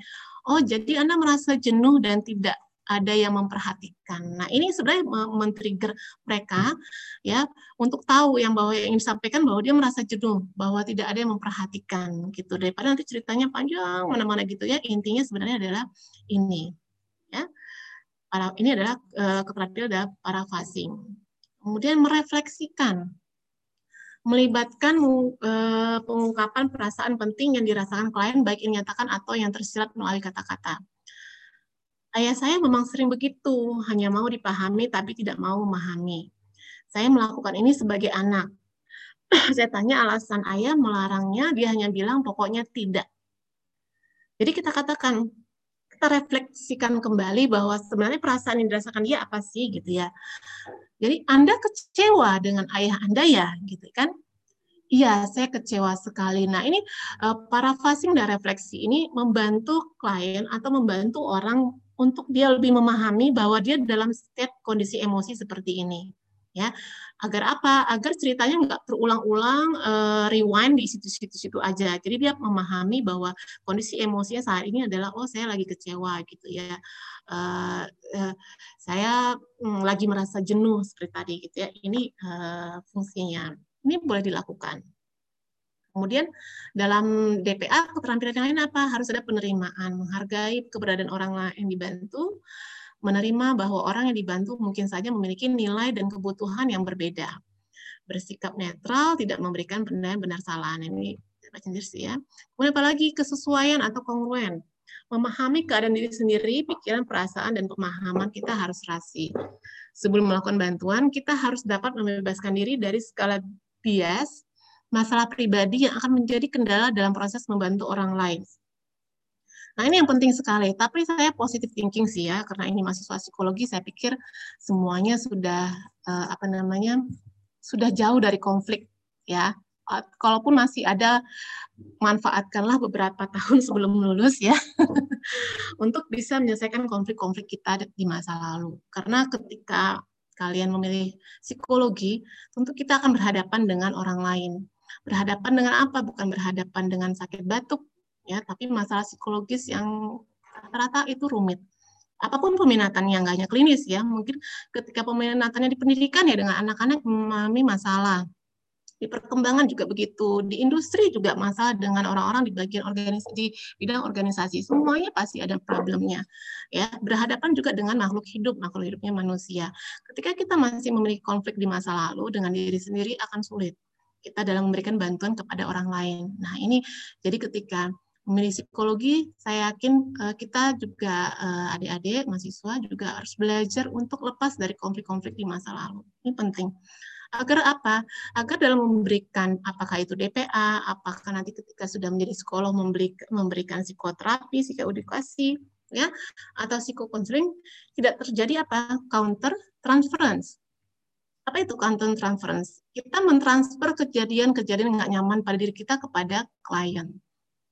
Ya, ketika klien memiliki masalah ternyata yang sama dengan masalah kita di masa lalu yang terjadi apa? Kita akan merefleksikan, oh iya Bu memang begitu kalau masalahnya saya dengan figur ibu gitu ya. Ibu tuh gitu deh, memang ibu tuh cerewet, saya dulu juga gitu, ibu saya gitu ya. Nah itu content transference, nggak bisa. Akhirnya kita mengikuti pola emosi yang sama dengan klien. Karena apa? Karena kita belum melepas dari konflik kita di masa lalu. Saya pun sebenarnya juga eh, memiliki konflik juga ya. Saya pakai diri sendiri kalau klien saya gibah gitu ya.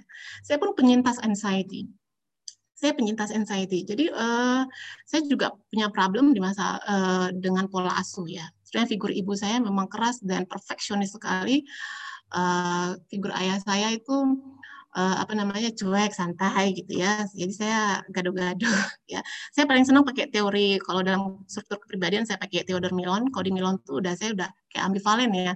Jadi saya mudah ragu-ragu menghadapi sesuatu kayaknya nggak pedean gitu ya. Uh, apa namanya uh, ini apa yang saya lakukan ini benar apa enggak ya? Uh, uh, memuaskan orang lain apa enggak ya? Selalu berkutat di situ sampai saya masuk psikologi karena memang ibu saya perfeksionis sekali dalam hal apa pun gitu ya. Jadi dan eh, saya sampaikan di awal bahwa saya nggak nyaman dengan figur otoritas karena otoritas di rumah saya adalah ibu saya yang memang uh, aturan itu harus sesuai dengan konsep beliau gitu ya. Nah itu membuat saya secara psikologis tentu menjadi nggak nyaman karena yang uh, uh, aturan yang harus saya patuhi adalah aturan ibu saya. Saya nggak menjelekkan ibu saya, saya udah minta izin loh ke ibu saya. ibu saya ketika saya sudah menjadi psikolog ini akhirnya beliau tuh mulai ini ya komunikasinya dengan ibu saya sekarang udah baik gitu ya. Jadi karena saya izin mah nanti kalau saya ini kalau kakak ngasih materi pakai contoh mama aja ya gitu ya oke kata gitu ya. Nah jadi alhamdulillah ketika saya masuk psikologi saya ketemu dengan dosen saya saya memang eh, nggak saya aja ya rata-rata mahasiswa psikologi yang memiliki konflik yang kelihatan dalam interaksinya di, di kampus itu tuh diterapi sama beliau gitu waktu itu. Jadi akhirnya saya paham kenapa saya menjadi anxiety, kenapa saya menjadi orang mudah ragu-ragu dengan kepribadian ambivalen saya. Itu ternyata karena memang pola pengasuhan. Karena saya belum lepas dari bagaimana uh, figur ibu saya gitu ya bahwa ibu saya tuh saya bawa ke mana-mana ke kampus saya bawa ketika ketemu orang saya bawa. Nah ini maksudnya saya menceritakan ini bahwa kita harus bisa lepas dan dari permasalahan agar apa? Agar kita ketika menghadapi masalah orang lain tidak membias tidak terbias tidak mentransferkan masalah kita ke orang lain. Nah itu yang penting ya. Dan saya sudah menjadi uh, nuansa-nuansa benang merah anxiety kadang-kadang ada gitu ya. Kayak sekarang menghadapi uh, jelas stadium stadium ini cemas nggak? Cemas gitu ya. Saya harus kira-kira mereka paham nggak ya dengan materi saya sampaikan gitu ya. Tapi bagaimana cemas itu menjadi oh, stres saya bikin gitu ya. Semangat saya bikin materinya gitu ya. Nah seperti itu kira-kira. Jadi kalau bisa belum lepas dari konflik kita di masa lalu apa pun itu akan sulit ya. Apalagi mau jadi psikolog. Ya nanti yang ada Eh, masalah orang lain nggak bisa terselesaikan dengan baik. Oke. Okay. Kemudian empati, kemampuan untuk berada bersama dengan orang yang kita bantu. Ya, empati yang dirasakan dapat ditunjuk melalui komunikasi baik verbal, ya, tulisan maupun nonverbal, ekspresi wajah, gerak-gerik sentuhan dan lain-lain. Nah, dalam memberi sentuhan hati-hati ya. Tidak semua orang nyaman dengan sentuhan. Jadi um, orang yang memiliki pengalaman traumatik di masa lalu dengan kekerasan seksual terutama itu sangat uh, tidak nyaman dengan sentuhan. Atau orang-orang yang memang attachment uh, emotional attachmentnya dengan uh, dengan caregivernya, dengan orang tuanya tidak baik, itu juga tidak nyaman dengan sentuhan. Malah akan membuat dia semakin merasa seperti dilecehkan. Nah, jadi memang kadang kalau kita persepsi kita bahwa sentuhan itu akan menenangkan, benar sekali karena taktil kulit adalah uh, memang uh, aduh sumber rasa nyaman bagi semua orang. Eh, coba aja kalau misalnya eh, yang eh, bapak ibu nih isinya yang sudah punya pasangan yang udah menikah itu kalau dipeluk sama pasangan kita kayak nyaman banget gitu ya. Dipeluk kayak nyaman banget gitu ya. Jadi memang fungsi taktil atau uh, kulit itu memang uh, adalah uh, sumber kenyamanan. Tapi kita juga harus hati-hati genuine tulus ya kesungguhan hati untuk menolong pada diri konselor akan buat kalian terfasilitasi untuk mengungkapkan keluhannya. Oke. Okay. nah ini kalimat yang perlu dihindari dalam DPA saya tahu bagaimana perasaanmu. Nah ya kalau kita udah tahu ya nanti ininya orang individu juga malas cerita lagi kan udah tahu kata gitu ya nggak perlu cerita lagi gitu ya jadi hati-hati. Mungkin inilah yang terbaik untuk anda mungkin akan diganti ya. Jadi uh, uh, yang ini seperti sudah menutupi bahwa sebenarnya dia fine, padahal bisa saja individu itu tidak fine gitu ya. Atau kamu harus bisa bangkit dengan cepat, ini juga harus hati-hati. Ya, kamu tidak perlu bersedih lagi. Ya, namanya sedih itu kan fluktuatif ya. Bisa aja saat itu dia sudah bisa bisa recovery, tapi di situasi yang lain ada trigger lagi, dia akan sedih lagi. Ya. Nah, ini teknik stabilisasi yang sederhana. Ini bisa dibaca. Materinya nanti boleh dikasih ya Bu Sisa atau gimana ya. Nanti bisa dibaca aja. Ini memang yang sederhana, menarik napas mendalam, ya duduk dalam posisi nyaman, letakkan. Nah, ya ini boleh dilakukan, boleh dilakukan dalam DPA. Ya, karena ini sederhana sekali. Ya. Kemudian mengembalikan ke sekarang dan saat ini. Nah, ini juga penting. Caranya apa? Orang ketika saya sampaikan tadi ketika menghadapi suatu krisis atau bencana tidak akan berada dalam situasi here and now. Pasti akan masa di masa uh, akan berada di masa sebelumnya gitu ya. Nah, caranya apa biar dia kembali? Bisa dengan meminta individu untuk menghentakkan kakinya di lantai ya. Dihentakkan di lantai ini karena virtual nggak kelihatan nggak bisa praktek ya ya menghentakkan kakinya di lantai itu akan membuat uh, seluruh tubuhnya bergerak dan terstimulasi sampai ke fungsi kognitifnya sehingga dia bisa berpikir oh ya saya berada di hari ini hari Kamis tanggal 25 gitu ya atau meminta menyebutkan nama boleh nama dia, nama pendampingnya, nama orang tuanya atau apa pun yang dia memikirkan bahwa dia berpikir logis untuk saat ini bisa. Menghitung boleh juga Ya, kalau saya untuk anak-anak, uh, karena saya banyak juga uh, menangani anak kasus kekerasan, uh, itu datang itu pasti udah nunduk aja anak-anak gitu ya. Saya biasanya uh, lempar barang atau bantal, suruh dia nangkep gitu ya, nangkep ambil benda ya yang agak gede. Kalau bisa sih bantal untuk kita dilempar tangkap lempar tangkap sehingga dia kembali uh, uh, hadir dengan saya di saat ini. Ya hadir dengan saya di saat ini ya. Uh, kalau enggak saya nggak bisa ngobrol dengan anaknya karena dia nunduk terus ya. Saya biasanya kasihkan uh, teknik stabilisasi seperti itu. Atau bisa jadi kadang-kadang orang itu menjadi disosiatif ya. Nggak mengada lagi dengan dunianya gitu ya. Uh, reality, reality testingnya jadi uh, apa kontak dengan realitanya kayak kayak tiba-tiba hilang gitu ya. Nah itu bisa juga kita lemparkan uh, apa yuk ibu kita lemparkan apa coba tangkep ya saya mau lempar satu nih tangkep gitu ya sehingga dia kembali ya kembali ke fungsi kognitifnya yang saat ini yang uh, realistik ya. Atau sambil dia bercerita boleh misalnya ini video yang pernah dikasihkan oleh teman saya yang memberikan memberikan materi IPA juga dengan um, misalnya ada kain atau apa sambil dia bercerita kain itu susah ya nggak ada ini nggak bisa praktis kayak itu dia saling jadi ini tangan saya tangan dia saling ini ya saling melintir dia melintir saya melintir bahwa seperti terkoneksi dengan saya ya. Sehingga apa? Sehingga dia merasa bahwa uh, dia tidak sendiri. Nah itu untuk orang disosiatif itu bagus sekali ya. Jadi nah, boleh dia megang sesuatu benda apa aja kain sih bagusnya gitu ya. Nah seperti itu ya sehingga dia merasa terhubung. Kalau dia bercerita terus, disosiatifnya semakin uh, kacau gitu ya. Nah ini selalu uh, teknik stabilisasi kita untuk mereka yang memang untuk membawa masyarakat atau individu ke here and now untuk kembali saat ini. Karena kalau nggak here and now susah kita mau uh, memberikan interview ya. Nah, untuk anak-anak apa bisa storytelling ya. Ini untuk anak-anak sebenarnya. Kemarin kita ke hari ya dengan Bu Ceria ya. Di situ ada dari apa rumah apa rumah dongeng ya Bu Ceria dari rumah dongeng. Nah itu bagus sekali gitu ya. Karena dengan berdongeng bercerita anak-anak diajak untuk uh, komunikasi dua arah. Tadi yang nemenin kancil siapa? Temennya kancil siapa? Nama temennya siapa? Gitu ya. Nah itu dia akan menjawab dan dia kembali ke saat ini. Storytelling juga bisa. Atau dengan butterfly hugs? Pernah dengar butterfly hugs? Ini juga salah teknik stabilisasi sederhana. Ya seperti ini.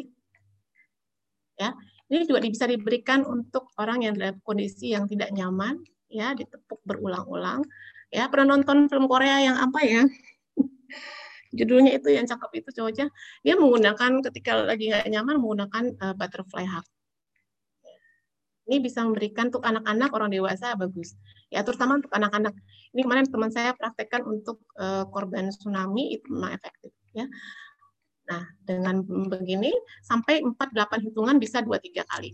Ya, itu juga menenangkan butterfly hub. Oke, ini etika dalam helping relationship, sikap yang baik, apa aja, jujur, dipercaya, hargai setiap keputusan, ya, hindari bias, beri penjelasan, ya. Udah, kemudian hargai privasi dan menjaga kerahasiaan ini penting ya. Jadi dalam ketika kita selesai memberikan DPA, apa yang disampaikan klien itu sudah cukup untuk saat itu.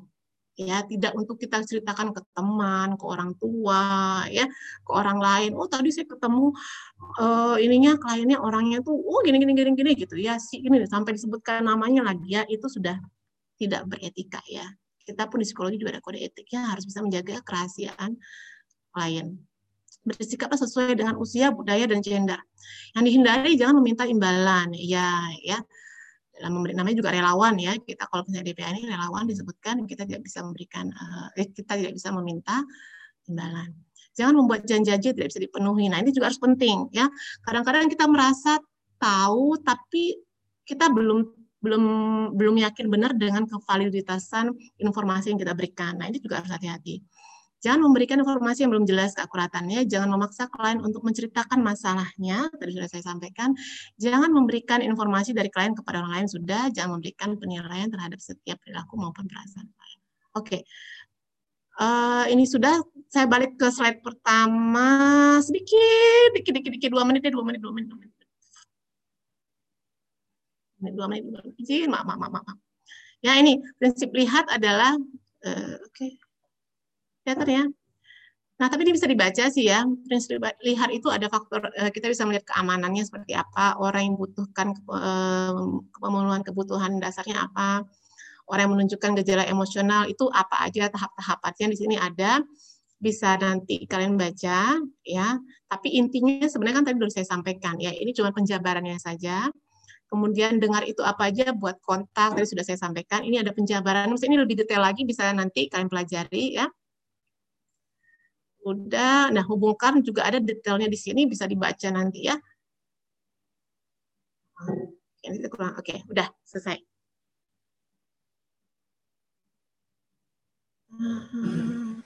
Oke, terima kasih. Saya kembalikan ke MC Mbak Risna. Terima kasih. Oke, Terima kasih Bu Melinda atas uh, pemaparan materinya. Baik, langsung saja mungkin dari teman-teman mahasiswa yang ingin bertanya dipersilahkan. Silakan langsung open mic aja ya.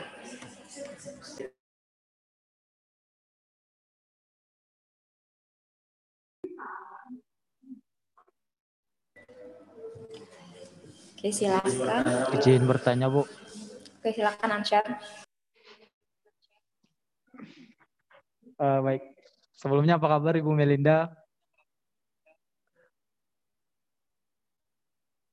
Alhamdulillah, apa ya, kabar ya, Sudah tidak bertemu ya Bu. Alhamdulillah baik Ibu. Uh, baik Ibu, uh, saya ingin bertanya Bu, uh, bagaimana kita menangani korban yang terdampak uh, banjir atau terdampak bencana alam lah, uh, yang mana korban ini uh, lebih artinya lebih percaya dengan hal-hal yang gaib gitu Bu. Nah, mungkin yang seperti contohnya misalkan uh, pada saat banjir misalkan ada korban ini bercerita panjang lebar tentang misalkan uh, saya pada saat maghrib itu saya sering lihat tuh ada sosok yang berjalan di atas air, sosok perempuan yang berkebaya atau pakai apa gitu ya Bu. Itu itu adalah uh, entah apakah disebut dengan halusinasi atau apa ya Bu ya, saya kurang tahu gitu. Nah, kita sebagai uh, relawan dampingan psikologi awal ini uh, apa respon kita untuk uh, si korban ini bu? Nah mm -hmm. itu yang pertama. Kemudian yang kedua bu, apakah uh, ada apa nih? Uh, apakah ada dampingan lanjutan nih bu oh, untuk ketika kita menangani korban banjir gitu bu? Maksudnya? Terima kasih. Uh, dampingan lanjutan itu bu dampingan lanjutan itu Bu, uh, apakah nanti uh -uh. setelah misalkan sudah satu kali kita ke tempat posko ini dan uh -uh. apakah uh, memungkinkan kita untuk menang, uh, melanjutkan uh, oh, iya. dampingan iya. lanjutan lagi gitu Bu untuk korban. Uh -uh. Bu, terima kasih Bu. Terima kasih Ansa. Langsung saya jawab apa dikumpulkan dulu? Boleh langsung dijawab Bu. Oke. Oke, saya jawab yang pertama dulu ya. Uh, bagaimana ketika melihat uh, ketika kita menghadapi atau bertemu dengan orang uh, dengan masyarakat individu yang mengalami situasi bencana ya Sar ya. Tapi ketika berbicara dia banyak apa namanya malah menceritakan suatu hal yang mungkin di luar apa pemikiran logis kita gitu ya hal-hal gaib. Hal gaib ini maksudnya dia melihat apa gitu? Bisa didetailkan nggak, Syar? Ya, Bu. Jadi ini boleh bercerita sedikit ya, Bu. Jadi kemarin tuh sempat uh, pada saat banjir itu di daerah apa ya bati-bati kalau nggak salah ya bu saya pernah ada cerita sama ibu ibu tuh ya beliau bilang gini bu kami itu setiap maghrib ada melihat sosok perempuan di belakang rumah pakai kebaya warna hijau, pakai kembang-kembang banjar gitu, Bu. Nah, terus oh. kalau saya sih pemikiran saya Nyiroro Kidul ya, Bu, pantai selatan gitu. Tapi karena di Kalimantan Selatan nggak mungkin Nyiroro Kidul itu. nah, jadi tapi saya menanggapinya cuma tersenyum dan uh, mungkin uh, saya lebih banyak mendengarkan beliau aja gitu bu dan saya mengiyakan apa kata beliau karena karena saya ikut yang dampingin kemarin itu bu kita nggak hmm. bisa juga kan bu untuk melakukan apa yang jadi saya itu bingung mau respon apa gitu sama beliau gitu jadi saya iakan aja apa kata mereka gitu ya.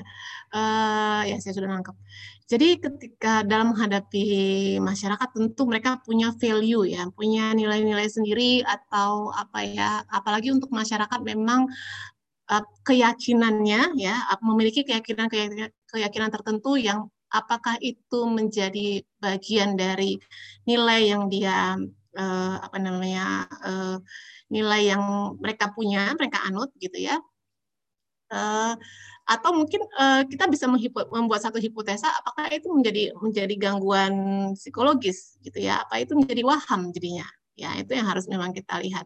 Nah, kita juga lihat budaya. Kan tadi eh, sebelum kita melakukan DPA, kita juga harus mengenali budaya setempat. Budaya tempat yang kita akan melakukan DPA. Apakah itu memang eh, budaya di sana mempercayai itu dan hampir seluruh masyarakat seperti itu gitu ya. Nah kalau memang iya mungkin kita tidak mengulik-ulik masalah gaibnya masalah itunya gitu ya. Karena fungsi DPA adalah memberikan ketenangan kenyamanan. Kita lihat dia fungsi emosi saat ini gimana? Gelisah nggak?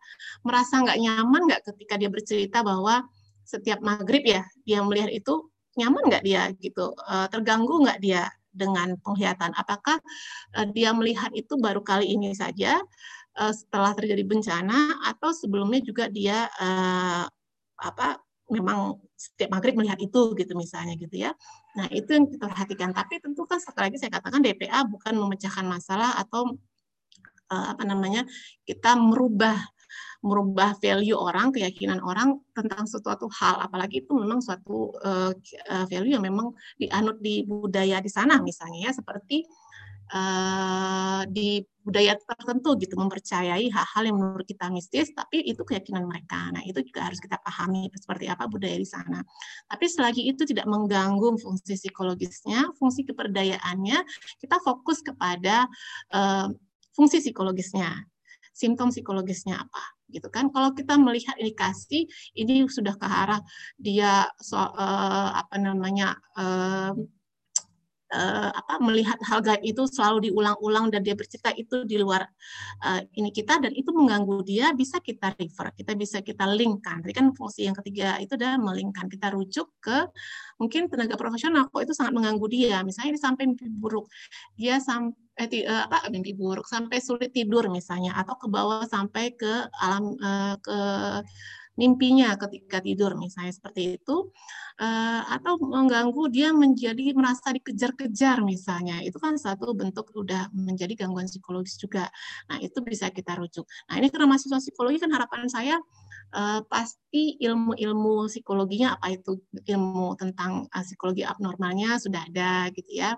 Tentang gangguan-gangguan psikologis sudah ada. Itu menjadi dasar kita udah tahu nih arahnya ini kayaknya udah uh, gangguan psikologis bisa kita linkkan, kita rujuk seperti itu. Jadi kita nggak terpaku kepada uh, uh, apa kita ulok-ulok di, dia melihat gaibnya gitu ya. Itu bisa terjadi di budaya tertentu. Tapi kita juga harus aware apakah ini juga menjadi sumber menjadi gangguan psikologis seperti itu ya ansarnya.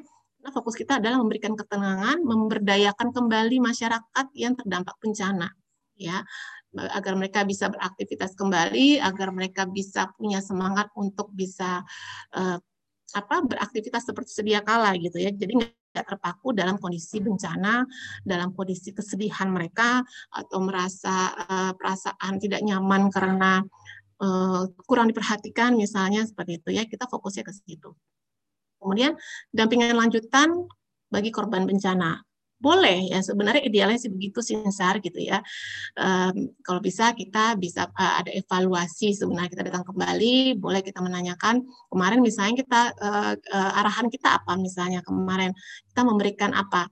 Uh, kita linkkankah kemarin? Atau misalnya mereka sudah cukup dengan dampingan kita, kita evaluasi kembali. Bagaimana fungsinya uh, perbedaan keberfungsian psikologis uh, individu ini dari kita pertama kali datang dengan yang kedua datang gitu kan. Tentu harapannya saya yakin kalau masih psikologi yang mendampingi insya Allah evaluasi kedua hasil lebih baik lagi. Harapannya seperti itu sebenarnya ya. Tapi kan nggak menutup kemungkinan ternyata bisa saja malah terjadi penurunan fungsi psikologi. Bukan bukan karena mungkin uh, tidak terampilnya kita tapi bisa saja ada trigger-trigger baru yang datang ya apa saja bisa ternyata uh, apa uh, ke, uh, setelah kita pergi besoknya hujan besar gitu ya ada ketakutan akan muncul ketakutan lagi nih nanti kalau misalnya rumahnya banjir lagi misalnya itu kan men-trigger kembali dia dalam kondisi yang ke awal lagi seperti itu nah itu perlu kita evaluasi lagi. Kita kita lakukan apa lagi. Boleh sebenarnya idealnya begitu, tapi kadang-kadang karena keterbatasan waktu dan kadang-kadang di bencana ini mereka tidak selamanya di posko gitu ya, ada waktunya mereka sudah apa situasi memungkinkan mereka bisa balik ke rumah. Ya, kalau kita memang niat pengen mengevaluasi mau datang ke rumah kan boleh DPA juga boleh dilakukan di rumah, tapi tentu atas izin uh, individunya ya saya kita ujuk-ujuk datang. Kita harus berkomunikasi dengan uh, pihak terkait gitu ya bahwa kita ingin melakukan DPA di rumah misalnya boleh. Lagi? Baik, terima kasih Bu. Sama-sama. Oh, ada yang ibu-ibu dosen menambahkan, boleh? Ini semua pakar-pakarnya juga banyak di sini ya. ya boleh menambahkan jadi saya ikutan belajar kalau di sini kalau saya ngasih materi seolah saya sok pintar padahal enggak juga ayo ada lagi ayo bertanya kami mah nggak ada yang nambahkan kami nggak ada yang kami nggak eh kami nggak ada yang ditambahkan mbak Mel udah paket lengkap mbak Melinda ah jangan gitu nggak mau lagi nih ini harus melengkapi ya iya, mantap tuh Ansar tuh dari tadi tuh udah standby terus ngeliatin ya ntar ada lagi Ansar mau tanyakan? Jangan diborong semua sama Ansar nih. Eh yang lain ada iya, seratus berapa nih? Mana? Ada seratus nah, orang. Ini. Mm-hmm. setiap Bu Ajija, setiap setiap angkatan wajib nanya, nanya Bu Ajija. Tenang, ini pertanyaannya dengan Bu nanya Bu Aziza. Ya, pertanyaannya bukan dengan Bu Aziza dengan Bu Ceria ya, tenang aja ya. Aman. Aman ya. Ayo. Siapa yang okay. bertanya? Kalau nggak saya nanya nanti. Oke, okay. ya, teman-teman mumpung bagi bagi teman-teman dipersilakan jika ada pertanyaan lain ya dari angkatan 2020, 2018, 2019. Boleh lewat chat misalnya uh, ini lewat chat boleh, langsung boleh ya. Kadang-kadang ada beberapa orang lebih nyaman misalnya ya. uh, lewat chat boleh. Nah, DPA ini ya hal yang memang hari-hari udah dilakukan ya sebenarnya ketika teman mungkin curhat dengan kita sebenarnya secara nggak sadar kita melakukan DPA cuman uh, bedanya mungkin DPA-nya belum sedetail seperti DPA yang uh, saya berikan keterampilan seperti saya berikan hari ini. Harapannya dengan uh, materi hari ini mungkin nanti keterampilannya semakin uh, apa namanya uh, semakin pro. iya ya lebih ngemak lagi gitu ya. Jadi orang yang menerima uh, dampingan dari kita itu dukungan support dari kita itu benar-benar merasakan ya Ya, siapa lagi? Ayo silakan. Teman-teman mahasiswa dipersilakan. Itu Bu Mel, khususnya 2018 tuh katanya ada yang pengen magang di rumah sakit tempatnya Mbak Mel. Ya harus tanya dulu dong, ya Mbak Mel ya? iya, yang nggak magang saya juga boleh. Ya. Iya nih mana nih mahasiswanya Bu Ceria nggak ada ke sini nih? Tunggu-tunggu mana? Segera Bu, lagi disiapkan biar mateng dulu. Umel-umel gitu.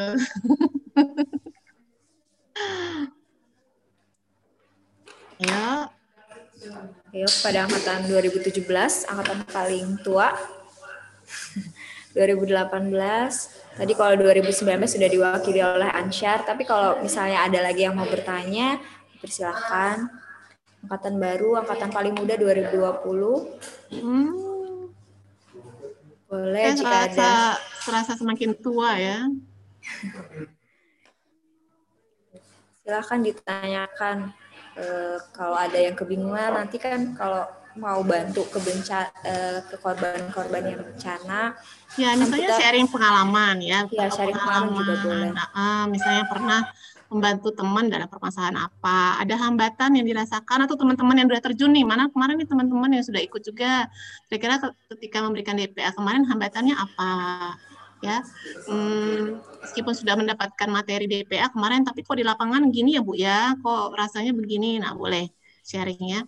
Tapi kalau nggak saya ada ibu-ibu yang lain yang nambahin, tenang aja. Itu ada yang tanya tuh, lewat chat.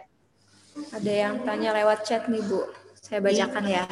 Iya. Assalamualaikum, selamat pagi. Perkenalkan nama saya Asrorina dari Prodi Psikologi Angkatan 2020. Mau bertanya Bu, bila kita memberi saran Bu untuk teman kita misalkan agar ia tidak menjalin hubungan yang toxic relationship, namun ia tetap tidak mau keluar dari hubungan itu, bagaimana ya Bu solusinya? Terima kasih. Siapa tadi?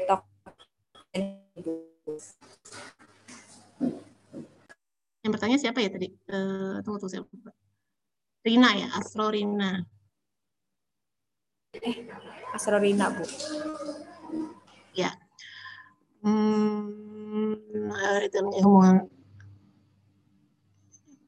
Oh sudah sudah diberikan di, sudah diberikan apa namanya uh, sudah diberikan saran, uh, tapi tidak mau keluar dari tidak mau keluar iya dalam toxic. Ini lagi tren sih toxic relationship ya relasi yang apa Racun. yang ya itu deh pokoknya ya.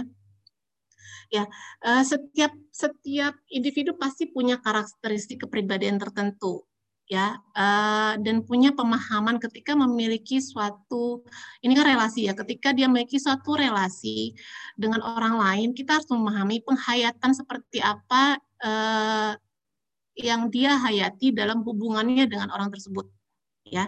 Nah, seperti saya katakan tadi, kita tidak bisa memaksakan bahwa bagi kita itu toxic relationship. Relasi yang merugikan ya, toxic itu sih ya, relasi yang eh, apa namanya tidak menguntungkan. Tapi bagi dia Eh, kita harus gali lagi bagi uh, persepsi kita teks, itu toxic relationship dalam uh, dalam hal apa yang merugikan dia gitu ya. Nah, kita tidak bisa memaksakan pemahaman kita ke uh, orang tersebut gitu ya. Apalagi kalau dalam, dalam konteksnya masih DPA ini ya. Uh, beda kalau misalnya ini melakukan ada profesional psikolog gitu. Tentu ada pendalaman lebih jauh lagi gitu ya bagaimana relasinya kita memakai asesmen dan segala macam gitu ya. Nah kalau dalam konteksnya DPA kita juga harus memahami bagaimana uh, penghayatan dia, persepsi dia terhadap relasi yang dia bangun dengan orang tersebut. Ternyata bagi dia itu bukan toxic relationship misalnya. Ternyata uh, relasi yang dia bangun itu adalah uh, uh, dia nyaman dengan relasi itu. Meskipun buat kita oh udah digituin, udah orangnya kasar, orangnya begini, tapi uh, dia merasa kok masih bisa ya masih nyaman ya dengan situasi itu kecuali dia mengatakan saya tidak saya ingin keluar dari hubungan ini bagaimana. Nah, itu mungkin kita bisa bantu ya misalnya ketika kita beri ketenangan sebenarnya DPA DPA kan kita beri ketenangan dulu. Bisa misalnya kita beri beri support dulu bahwa sebenarnya kalau dia merasakan itu adalah memang dia katakan secara lisan verbal bahwa itu memang toxic relationship kita beri support bahwa dia bisa keluar bahwa dia bisa terhubung dengan orang lain. Misalnya dia bisa uh, menjalin relasi uh, fokus dengan dengan uh, keluarganya dengan familynya bahwa caregiver itu pasti adalah keluarga adalah tempat atau uh, place yang memang safe place uh, individu adalah keluarga gitu uh, atau dengan teman-temannya mengalihkan itu gitu. Tapi kalau ternyata kita merasa itu toksik buat dia tidak kita nggak bisa memaksakan ya bahwa udah deh orangnya gini-gini. Karena uh, dia tidak seeking helping ya dia tidak mencari batu bantuan. Kecuali dia seeking helping mencari bantuan bahwa dia lagi dalam relasi yang tidak baik Nah, boleh kita bantu, kita support. Oh, dia bisa keluar dari situ. Tapi kalau dia merasa nyaman, kita nggak bisa uh, apa ya memaksakan nilai-nilai yang kita punya atau penghayatan yang kita punya ke uh, teman kita gitu ya karena pasti dia juga punya pemandang apa pandangan sendiri pertimbangan sendiri mungkin gitu sih sekilas ya yang bisa saya, saya sampaikan uh, kalau untuk konsepnya DPA ya Tapi kalau misalnya udah konsepnya itu nanti udah masuk psikoedukasi, apalagi psikoterapi, uh, pasti orangnya kan datang sendiri tuh biasanya ke psikolog. Nah, gitu kita melakukan rekonstruksi. Apakah benar ini toxic relationship mengganggu dia secara psikologis itu seperti apa? Mengganggu keberfungsiannya secara psikologis itu bagaimana? Ya uh, apa yang dia uh, struktur kepribadian dia bagaimana yang membuat dia kok bisa uh, tidak lepas dari uh, hubungan yang uh, tidak menguntungkan buat dia. Nah, itu mungkin tenaga profesional karena ada intervensi gitu ya. Tapi kalau untuk DPA kita memang hanya memberikan dukungan dan support dan mungkin mendengarkan, memberikan dukungan dan melingkan kalau kita anggap coba deh kamu uh, ke psikolog misalnya gitu ya untuk membicarakan lebih lanjut. Nah, gitu. Karena kita tidak bisa memaksakan kalau untuk DPA, konsepnya DPA. Ya. Itu okay. mungkin asal Rina ada yang menambahkan? Rina? Terima kasih Bu atas jawabannya. Soalnya teman-teman teman-teman saya tuh banyak yang terjebak Bu, tapi uh, sudah dikasih tahu tetap aja kayak nggak bisa hidup tanpa dia kayak gitu nah Bu. Nah itu dia ya kita nggak tidak bisa memaksakan ya untuk menumbuhkan insight itu jangankan DPA ya, untuk psikoterapi menumbuhkan insight itu nggak bisa dalam satu sesi pertemuan saja biasanya saya itu. Menumbuhkan insight itu bisa sampai dua, tiga kali pertemuan kadang-kadang uh, sulit. Apalagi kita lihat kalau kita bunuh apa kalau dilihat tipe kepribadiannya. Karena saya memang uh, sebelum menegakkan diagnosa pasti yang udah belajar aksis ya, uh, yang di klinis. Untuk uh, menegakkan aksis satu itu, diagnosa itu saya harus lihat dulu aksis duanya bagaimana personalitinya bagaimana, kepribadiannya bagaimana, trait kepribadian bagaimana. Nah, itu yang harus diperhatikan sampai nanti muncul diagnosa. Kalau memang eh, apa namanya kepribadiannya kalau apalagi kalau udah gangguannya gangguan kepribadian, sulit untuk kita masuk. Biasanya dia uh, defense-nya kuat, bentengnya kuat, dan kadang-kadang mencari uh, ke psikolog itu sebagai mencari supporter aja kalau orang dengan gangguan kepribadian gitu ya. Uh, susah untuk kita rekonstruksikan sampai butuh kadang empat sesi baru gitu ya. Nah itu uh, kalau nanti udah jadi psikolog gitu ya itu bahwa jika orang terpaku pada satu hal yang menurut kita nggak baik itu memang apa namanya ya nggak bisa kita paksakan. Di psikoterapi pun butuh waktu ya karena itu menumbuhkan insight-nya dia ya untuk dia sadar bahwa relasi yang dijalin itu tuh merugikan dia sepertinya gitu ya. Tapi kan e, meskipun dalam psikoterapi kita tidak boleh meskipun itu intervensi tidak boleh kita membantu apa mengambil keputusan. Decision making tetap pada klien.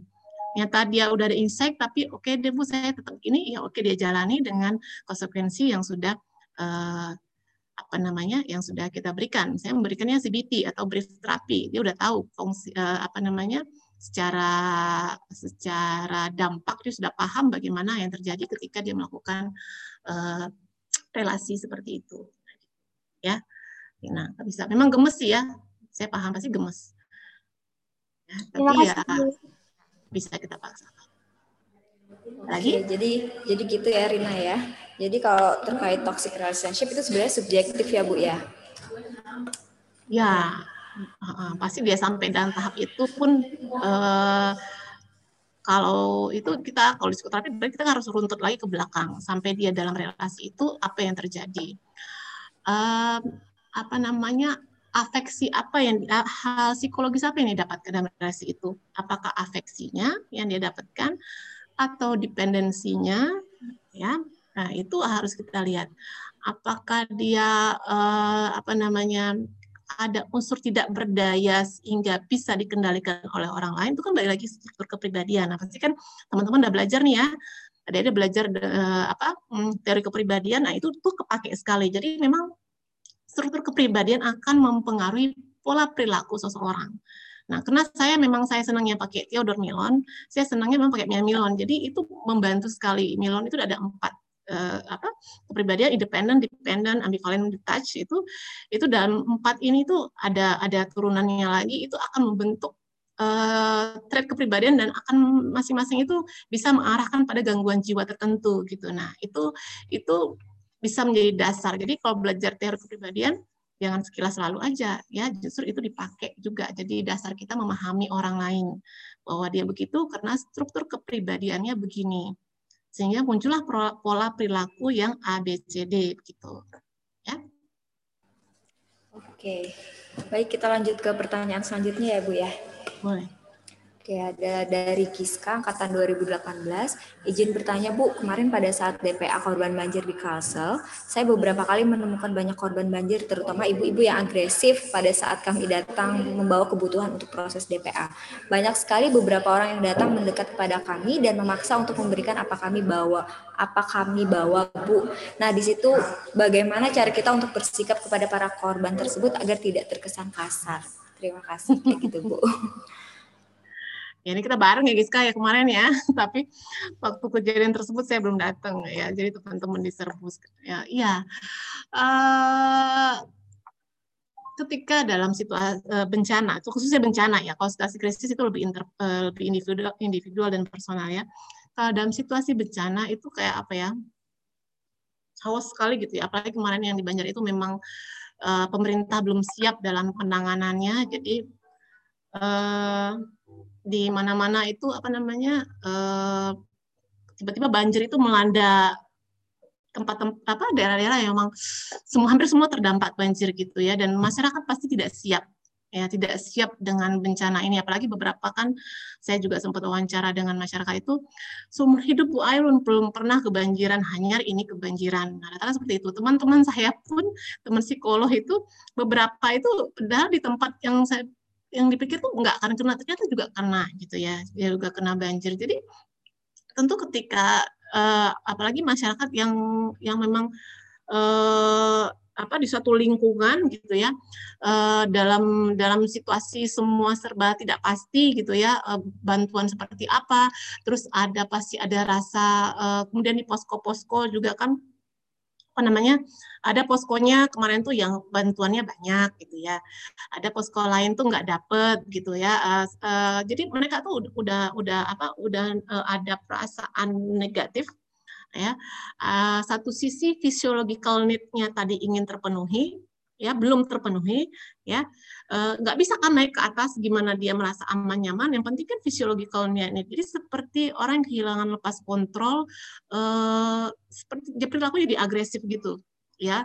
Pokoknya saya uh, terpenuhi dulu kebutuhan dasar saya. Apa yang apa yang makanan aja kan pada datang makanan itu semua wah berebut gitu ya. Sampai kemarin ceritanya Giska ya ada anak-anak juga katanya keinjek gitu ya uh, saking berebutan makanan gitu. Itu situasi yang bisa terjadi karena uh, kebutuhan dasarnya ini ingin terpenuhi dalam situasi yang nggak pasti. Uh, takut bahwa apa namanya mereka pun tidak diperhatikan. Ingin diperhatikan tapi ternyata nggak diperhatikan. Jadi kayak kemarin itu kan e, bu bagasan kami aja gin bantuannya di sana sudah banyak bu ay di kami kin ke kami belum dapat. Nah seperti ada akhirnya mereka nggak bisa berpikir logis lagi ya. Jadi eksekutif functionnya kognitifnya uh, untuk dari situasi begini kadang-kadang beberapa orang memang itu nggak terkendali ya jadi uh, logikanya hilang. Yang penting bagaimana apa yang dia mau dia da harus dapatkan. Nah seperti itu dalam situasi bencana. Mungkin untuk orang-orang seperti ini mungkin di hari-hari tertentu ketika ada suatu stresor yang membuat dia dalam kondisi panik mungkin dia begitu juga gitu kan. Tapi kan nggak semua kemarin ya. Hanya beberapa masyarakat yang seperti itu. Sebagian pun sebagian kita lihat kan dalam kondisi tenang. Jadi memang menghadapi gitu kita juga harus bisa bahwa dan makanya saya kata, tadi di materinya Eh, ketika menghadapi bencana kita juga harus tahu seperti apa situasi di lokasi. Makanya ketika mau turun paling saya minta ansar atau di Batola itu saya lihatin dulu seperti di sana seperti apa gitu ya. Koordinasi kita dengan siapa sehingga kita tahu uh, uh, apa yang akan kita lakukan ke siapa saja gitu kan. Berapa orangnya itu pun kita masih akhirnya ke sana teman-teman kemarin diserbu gitu ya ya situasi dalam situasi nggak pasti ketika orang sudah kehilangan kontrolnya uh, semua kebutuhan fisik fisiologisnya dasarnya harus terpenuhi ya seperti itu jadi agresif ya. Itu mungkin uh, Iska. Oh cara bersikapnya. Ya kita harus tenang pertama ya. Kita harus tenang tidak bisa ikut-ikutan marah atau agresif ya. Kita lebih lebih memiliki uh, uh, psikologis yang lebih sejahtera dalam arti kata kita datang ke sana berarti kita dalam kondisi psikologis yang baik toh gitu ya. Saya katakan tadi kalau tidak memiliki uh, tidak ada rasa peduli tidak ada ingin untuk membantu orang lain ya lebih baik nggak usah melakukan DPA gitu ya. Atau uh, ah saya males kalau dengar orang cerita bu misalnya nggak uh, suka gitu misalnya gitu ya ya nggak bisa. Justru ketika menghadapi hal seperti ini mereka akan ikutan marah gitu ya. Uh, konselornya itu akan ikutan agresif gitu. Kan kayak apa nih gitu ya. Jadi yang mana yang mana relawan, mana yang enggak gitu nggak tahu lagi gitu ya. Kita harus tetap tenang. Ya, kalau kita sampaikan, justru ketenangan dari kita itu akan memberikan transfer transferan ke masyarakat bahwa mereka bisa ikut tenang. Kayak kemarin kan kita tenang yang hadapinya gitu ya. Saya juga pas hari kedua atau yang saya membawa selimut itu tuh setelah apa sebelumnya gitu ya saya membawa selimut itu yang dari Bu itu itu juga saya dirampas juga gitu kan. Ya, ya harus tenang menghadapinya ya. Jadi nah, bu kami belum dapat lagi se padahal dia nggak tahu tuh isinya apa gitu ya tapi e, main ambil gitu aja. Padahal itu bukan makanan kan gitu ya itu barang. Tapi sudah sudah dirampas seperti itu. Jadi kita kita jelaskan bahwa ini ini selimut pak dalamnya gitu. Ini bukan makanan ini kebutuhan selimut bisa dibagi-bagi. Oh nggak boleh situ banyak ini oke pian sekarang jadi kita memang harus menjelaskan memberikan ketenangan. Kalau ternyata uh, dalam analisa kita logika berpikir kita bahwa memang dia butuh boleh kita berikan ya. Kalau ternyata memang kita koordinasikan lain ternyata memang baiknya diserahkan hanya di posko nanti posko yang menyebarluaskan ya kita kita berikan uh, arahan kita berikan pengertian kepada masyarakat nanti bisa diambil di posko seperti itu. Jadi kita harus tenang ya. Nah kalau nggak tenang kita memberikan ketenangan tapi kitanya nggak tenang ya kacau ya. Lagi? Uh, Giska gimana? Lagi mau tambahkan Giska Uh, sudah cukup jelas Ibu. Terima kasih banyak Ibu.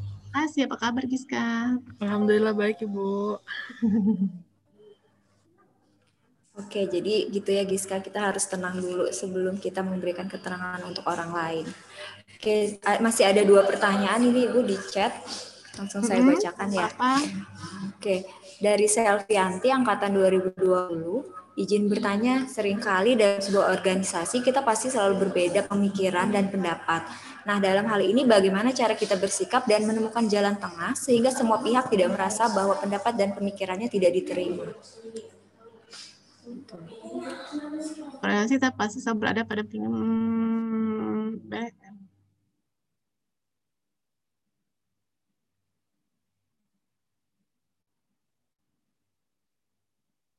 Oh, perbedaan pendapat atau pikiran dalam organisasi gitu ya, bagaimana uh, mau pendapat dan pemikirannya tidak uh, Oke. Ini di dinamika organisasi ini nih punyanya Bu Ceria nih. Bu Ceria ditambahin ya. uh, apa namanya Bu Ceria, Bu siapa Bu Lita, siapa lagi ya nih ya.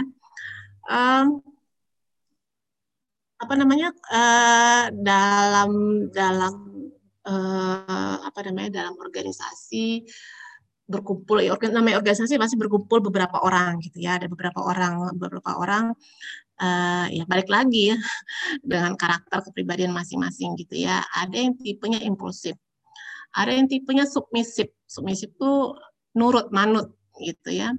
Ada yang tipenya negativistik. Apa suka kritik aja bawaannya gitu ya ada tipenya yang misalnya uh, detach, detach itu yang diem aja gitu ya, tapi nyimak gitu, tapi dia nggak banyak ngomong gitu ya. Kemudian ada juga tipenya uh, agresif verbal gitu ya. Setiap ada itu uh, dijawab dengan uh, uh, apa dengan kata-kata yang tinggi, kadang-kadang uh, kata-katanya pun nggak pantas dikeluarkan. Nah itu tuh macam-macam ya uh, pola perilaku dari kepribadian seseorang. Nah, tentu semuanya dalam organisasi namanya ketika masuk dalam organisasi pasti uh, di balik itu ada keinginan untuk eksistensi atau kalau dalam masuk tadi bagian dari aktualisasi diri misalnya gitu ya bagian dari aktualisasi diri.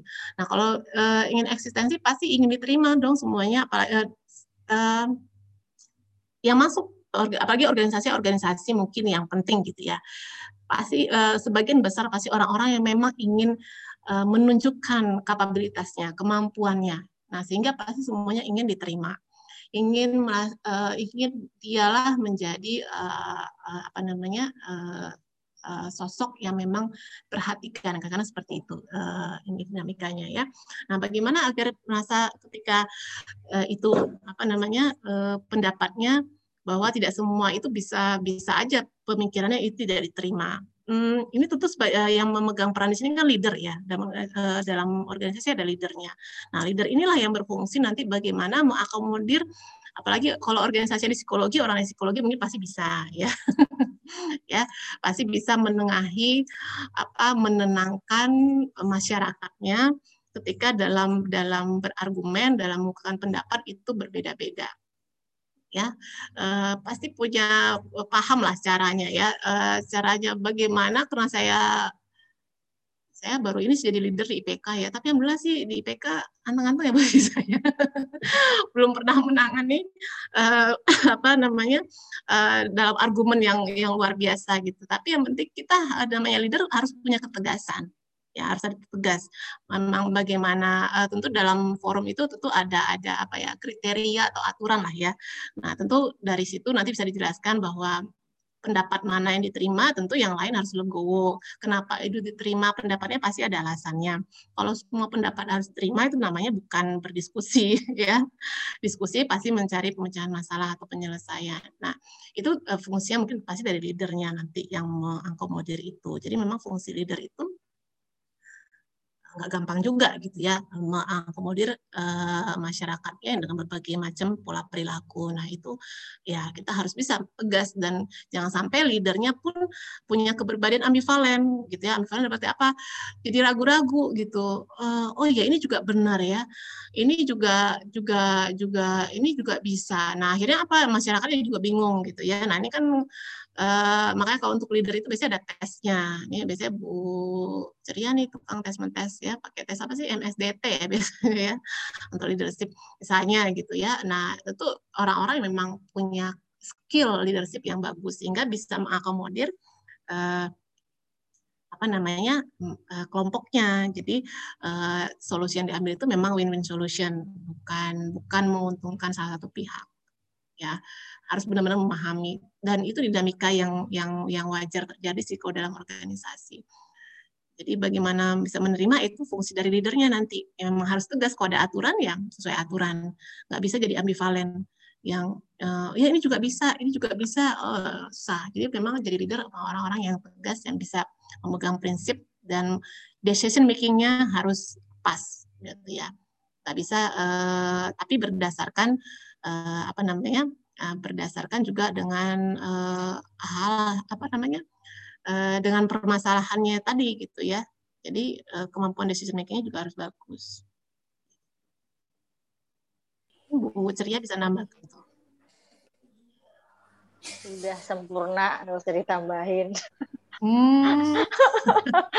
Karena pengalaman di organisasi itu bu ceria ya dengan dinamika dinamikanya. Kalau saya tuh seringnya di balik layar, di itu ngurung kayak di poli. Gitu. Pokoknya kalau dekat dengan Mbak Mel itu bawaannya tenang. Kalian dengar oh, gitu. suaranya aja udah tenang, udah tenang. Pintar banget lah Bu Triani. baik, baik, deh. lanjut. Oke. Okay. Okay. Lagi apa tadi uh, siapa sudah atau yang mau tambah ada ada yang mau ditanyakan lagi? Terima kasih katanya Bu. Terima kasih okay. ada di chat ya. Enggak paham okay. ya kalau nggak paham ditanya lagi. Kadang-kadang saya dalam ber, ber apa dalam bercerita itu kadang-kadang saya apa kemampuan verbal saya nggak terlalu bagus kan gitu ya. Jadi kadang loncat-loncat, jadi nggak paham nanya aja lagi ya. Oke, udah paham sepertinya Bu. Oke. Oke. Untuk pertanyaan terakhir dari Lia Atika Maharani angkatan 2020. Mm -hmm. Uh, jadi kemarin saya terkena banjir, lalu anggota di rumah saya ada nenek. Nah, setiap hujan deras atau hujan yang awet begitu, beliau jadi panik ingin angkut-angkut barang, sama katanya susah bernapas. Bagaimana sih Bu yang harus kita lakukan? Terima kasih sebelumnya. Ya, jadi neneknya kalau ada hmm. banjir tuh kayak takut gitu Bu, hmm. angkut-angkut barang terus. Ya, uh, karena memang bencana juga kita sebenarnya fokusnya ke lansia, termasuk lansia ya. Uh, jadi nggak hanya anak, dewasa uh, lansia pun harus menjadi fokus concern kita juga. Karena uh, uh, di usia lansia pasti uh, keberfungsian psikologisnya termasuk dalam uh, pemecahan masalahnya mungkin sudah sudah membutuhkan dukungan dari orang lain ya. Uh, rentan untuk terkena juga masalah psikologis. Apalagi lansia yang memiliki riwayat masalah psikologis. Nah ini harus kita perhatikan. Nah ketika menghadapi uh, uh, stresor, eh stresor, menghadapi uh, uh, ya stresor ya. Jadi misalnya hujan itu menjadi stresor ya buat neneknya. Berarti kan um, um, menjadi panik, apa lagi? Um, sesak napas. Ini berarti udah masuk ke uh, fisiologisnya juga ya. Kita bisa berikan teknik relaksasi yang, per, yang seperti saya sampaikan tadi sederhana ya tarik nafas. Intinya apa kita berikan ketenangan dan kita usingkan uh, nenek ini di tempat yang memang aman dan nyaman ya. Kalau masih di rumah yang terkena banjir, kalau memang uh, aksesnya memungkinkan keluar dari rumah, lebih baik keluar mencari tempat yang aman dan nyaman karena air itu mungkin akan menjadi uh, sumber stres ya bagi uh, neneknya gitu. Jadi kita ungsikan tempat yang nyaman, boleh sambil diberikan teknik uh, relaksasi atau kalau uh, teknik yang sederhana yang memang sering saya sarankan dan itu efektif lumayan uh, bukan lumayan ya efektif sih untuk beberapa kasus gitu dan uh, saya belum pernah mempraktekkan baru baru kemarin membelikan aja tapi belum saya ini kan. Tapi teman-teman yang lain teman-teman saya di Jawa yang pernah mempraktekkan itu membantu sekali menenangkan dengan memberikan selimut. Ya selimut itu adalah uh, apa alat yang yang apa namanya uh, memberikan ketenangan. Namanya selimut tuh nggak ada yang kasar ya. Coba setipis-tipis yang selimut pasti bahannya lembut ya. Setipis-tipis yang selimut bahannya lembut. Nah, nggak ada selimut itu kayak apa bahan yang keras atau kasar gitu ya. Nah, nggak ada deh. Saya belum pernah nemu. Nggak tahu kalau memang ada diciptakan ya. Itu boleh diselimuti atau uh, apa di apa di apa apa kayak di apa di uh, diingkarkan ya di, di, di, di apa di badan siapa aja bisa uh, apalagi lansia mungkin ya. Bahwa uh, dengan kelembutan uh, kita minta neneknya merasakan bahwa ini tempat selimut ini tempat aman. Di misalnya karena meskipun kita ungsikan ke tempat aman dan nyaman misalnya ke pos kota apa pasti kan untuk apa untuk orang lansia gitu ya poskonya himpit-himpitan lagi banyak orang gitu misalnya gitu ya dan tempatnya nggak uh, uh, kondusif tapi nggak nyaman misalnya gitu ya. Nah selimut itu membantu untuk menenangkan sebenarnya kita katakan nih ini pakai selimutnya. Jadi ini aja di boleh sambil tiduran boleh atau sambil duduk di, di itu dibekep gitu ya selimutnya. Dan rasakan bagaimana uh, apa kelembutan selimut itu itu menjadi safe place-nya beliau gitu ya. Bahwa dia merasa uh, nenek sekarang berasa, uh, berada di tempat yang aman, nyaman, ada kita, misalnya ada anak-anaknya, ada cucunya, sehingga uh, uh, apa namanya nenek tadi uh, beliau merasa bahwa tidak sendirian bahwa mm, ada yang memperhatikan itu memberikan ketenangan secara psikologis. Itu DPA awal ketenangan awal yang bisa kita berikan. Kita lihat reaksinya bagaimana. Harapannya sih rata-rata alhamdulillah setiap orang menghadapi panik uh, atas kejadian insidental itu yang tiba-tiba itu lumayan memberikan ketenangan ya. Paling nggak yang tadi sesak napas mulai uh, mulai apa namanya uh, mulai agak bisa mengatur nafasnya sambil kita teknik relaksasi tadi. Nah, tapi kita lihat karena ini sudah lansia, kalau ternyata uh, sesak nafas itu berlanjut, tentu kita butuh penanganan medis. Ya, kita alihkan ke layanan kesehatan harus segera. Ya, kalau uh, apa apalagi yang punya komorbid misalnya gitu ya, uh, orang tua yang punya komorbid penyakit bawaan apa itu misalnya asma atau penyakit lainnya itu kita harus segera lingkan ke kita cari bantuan ke tenaga uh, kesehatan seperti tapi dengan memberikan itu dengan mengungsikan misalnya dengan ada selimut kita berikan kenangan atau sambil kita peluk juga ya boleh. Ya kalau kita tahu nenek kita senang misalnya dipeluk atau boleh sambil kita peluk itu juga memberikan ketenangan ya. Sambil kita ajak ngobrol gitu ya bahwa ini uh, sambil nenek mau makannya apa. Kita berikan juga kebutuhan dasarnya makan minum. Saya pernah kemarin uh, apa namanya saya memberikan DPA untuk pramuka dari IPK itu memberikan DPA untuk pramuka. Memang lagi giat sih kita memberikan uh, permintaan dari uh, Kuarnas itu ada satu relawan itu setiap dia memberikan DPA dia selalu membawa kopi katanya gitu selalu membawa kopi jadi kenapa? Karena dengan minum kopi rata-rata orang Indonesia itu pada minum kopi itu dari relax gitu kan gitu ya. Dengan semua orang tuh pasti suka kopi. Sekarang bertebaran di mana-mana kafe itu menunya pasti kopi gitu ya. Dengan modifikasinya macam-macam lah kopinya gitu ya. Ada kopinya di kopi susu lah, kopi apalah gitu ya. Nah, semua orang pasti suka kopi. Jadi dia bawa itu dan cara dia untuk menenangkan orang lain. Itu benar, bisa jadi, bisa saja gitu ya uh, apa yang kita punya. Boleh kita membawa makanan karena ada juga relawannya kemarin tuh saya bawa makanan Bu katanya gitu kan. Bisa karena kebutuhan dasarnya juga ter terpenuhi. Kalau dia merasa uh, kebutuhan dasarnya terpenuhi uh, uh, dia merasa nyaman kembali rileks dengan apa yang kita berikan makanan kopi tadi gitu ya dia bisa bercerita ya. Paling enggak uh, simptom-simptom kecemasan tadi mulai mereda tensinya mulai mereda harapannya sih seperti itu jadi hal sederhana aja kalau untuk DPA karena bantuannya memang basic sekali untuk menenangkan Uh, baru kita lihat kalau ternyata berkelanjutan, misalnya itu menjadi ke arah traumatik, yang kita harus di slide saya kayaknya nggak ada ada ya, kalau arah udah ke PTSD, post traumatic syndrome disorder, udah ke arah traumatik, itu memang kita harus refer. Gejalanya apa simptomnya? Misalnya jadi sulit tidur, gelisah yang berlebihan, gitu. Apalagi kalau sampai ada gejala psikotik, misalnya meranyau, gitu ya.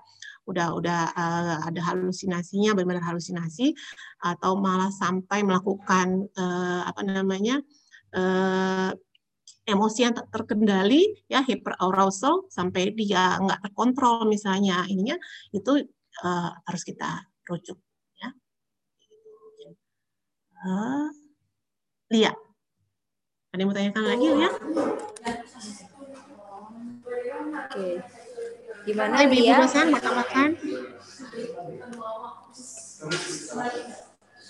gimana Lia jadi bisa dipraktekkan ya setelah mendapat materi hari ini. Mungkin kalau misalnya ada simptom-simptom yang muncul dari nenek kalau ada hujan nanti bisa diaplikasikan ya. Iya, terima kasih. Sama. Jadi untuk lansia memang kita harus concern harus harus uh, sedikit kritis ya. Kadang-kadang uh, untuk lansia uh, gejalanya itu bisa munculnya itu akut ya mendadak ya untuk lansia karena uh, apa secara psikologis lansia itu eh, secara menurut juga eh, kadang udah kembali kan ke regresi ya eh, kembali ke seperti anak-anak anak ini perhatikannya lebih seperti apa nah itu tuh memang harus jadi concern kita juga Oke, baik. Mungkin itu pertanyaan terakhir ya, Ibu ya. Nah, udah. Kita tuh iya, oh, tidak ada pertanyaan lain. Oke. Sebelum saya tutup uh, mungkin saya bisa simpulkan bahwa DPA ini dukungan psikologis awal ini sebenarnya bukan untuk mengobati, tapi untuk mencegah atau menghindari terjadinya ada, uh, apa namanya gangguan-gangguan yang lebih berat di kemudian hari. Oke, sebelum melakukan DPA kita apa namanya e, butuh pelatihan-pelatihan khusus. Ya jadi tidak hanya orang-orang yang profesional yang dapat memberikan DPA kita sebagai mahasiswa pun bisa memberikan dukungan.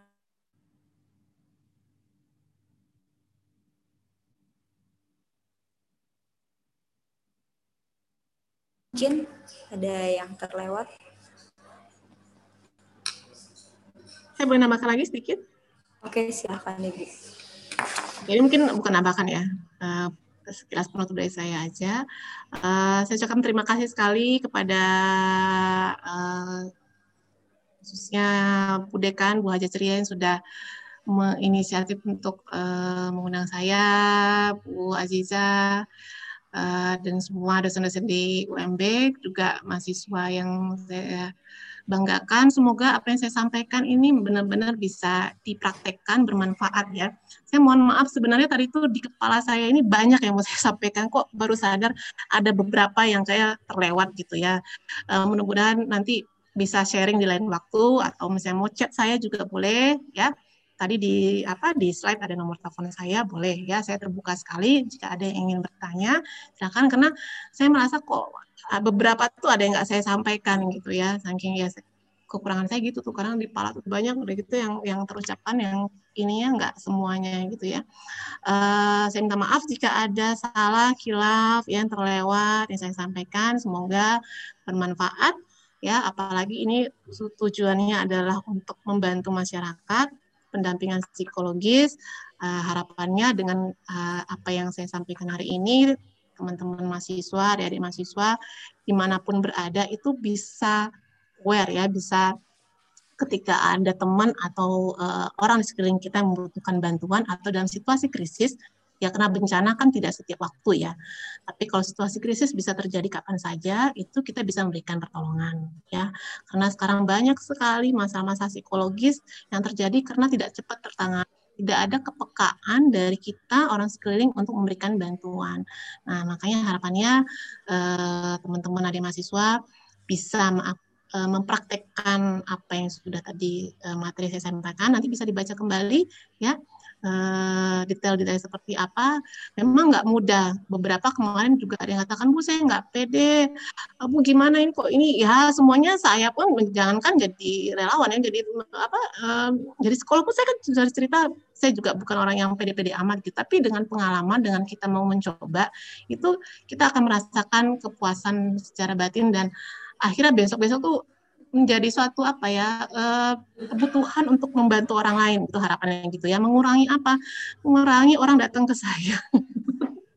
Ya uh, agar orang-orang itu sehat sehat secara psikologis gitu ya. Kadang-kadang saya kalau udah menerima klien dengan masalah psikologis tuh suka suka ya mengurangi pasien datang uh, klien datang ke saya mujizat dan lain-lain gitu. Jadi uh, masyarakat sehat secara psikologis gitu harapannya gitu ya bisa tertangani terlebih dahulu sehingga tidak terjadi masalah yang lebih berat. Jadi saya kalau datang klien dengan masalah apa pun itu tuh uh, yang ada tuh sukanya miris duluan gitu ya kok bisa gitu ya nah gitu. Tapi ya namanya masalah psikologis bisa terjadi kapan aja gitu ya. Jadi harapannya uh, dengan 100 lebih mahasiswa ini uh, di mana pun kalian berada bisa memberikan bantuan langsung ketika menemukan orang dalam situasi krisis itu harapannya.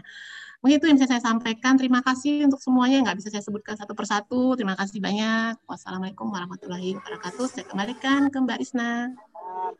Oke, Oke, terima kasih sekali lagi kami ucapkan untuk Ibu Mel uh, sudah berbagi informasi dan pengalamannya kepada kami terkait dukungan psikologis awal. Oke, saya juga sebagai moderator mohon maaf jika ada perkataan dan perbuatan selama uh, memandu acara ini ada kesalahan. Oke, terima kasih semuanya. Assalamualaikum warahmatullahi wabarakatuh. Saya kembalikan ke saudari Lisa. Oke, terima kasih kepada Ibu Risna selaku moderator dan Bu Melinda sebagai narasumber. Terima kasih banyak. Uh, sebelum kita ke penghujung acara penutupan. Uh, kita mau foto bersama dulu sebagai dokumentasi ya, Ibu.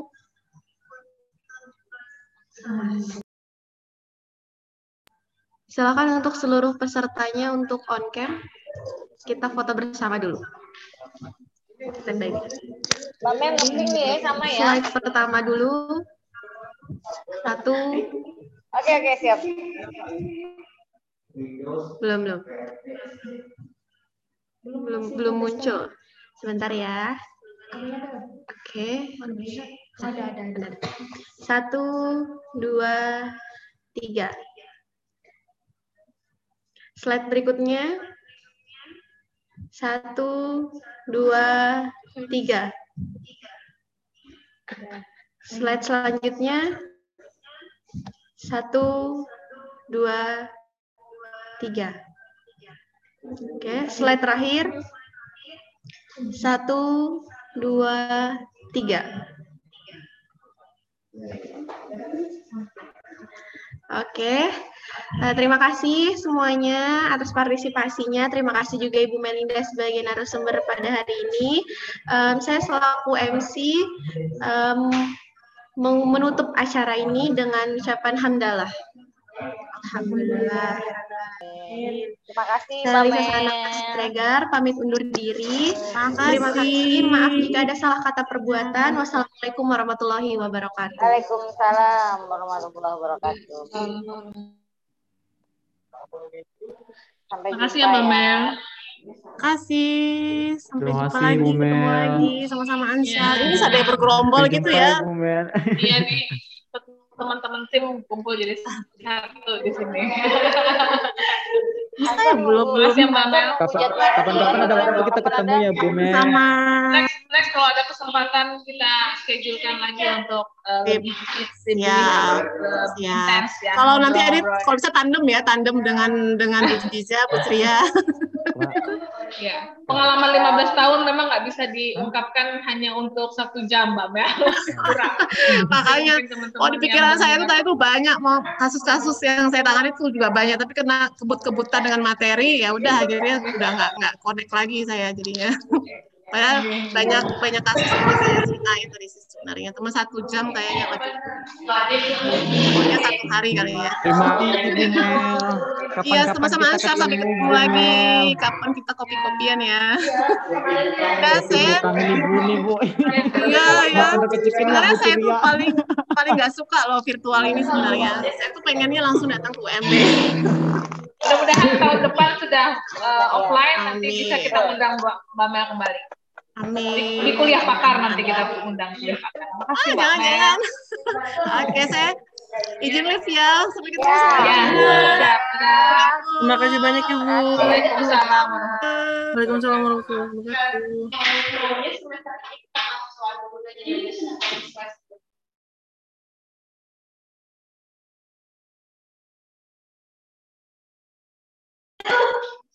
Di end meeting ya buat teman-temannya. Terima kasih banyak.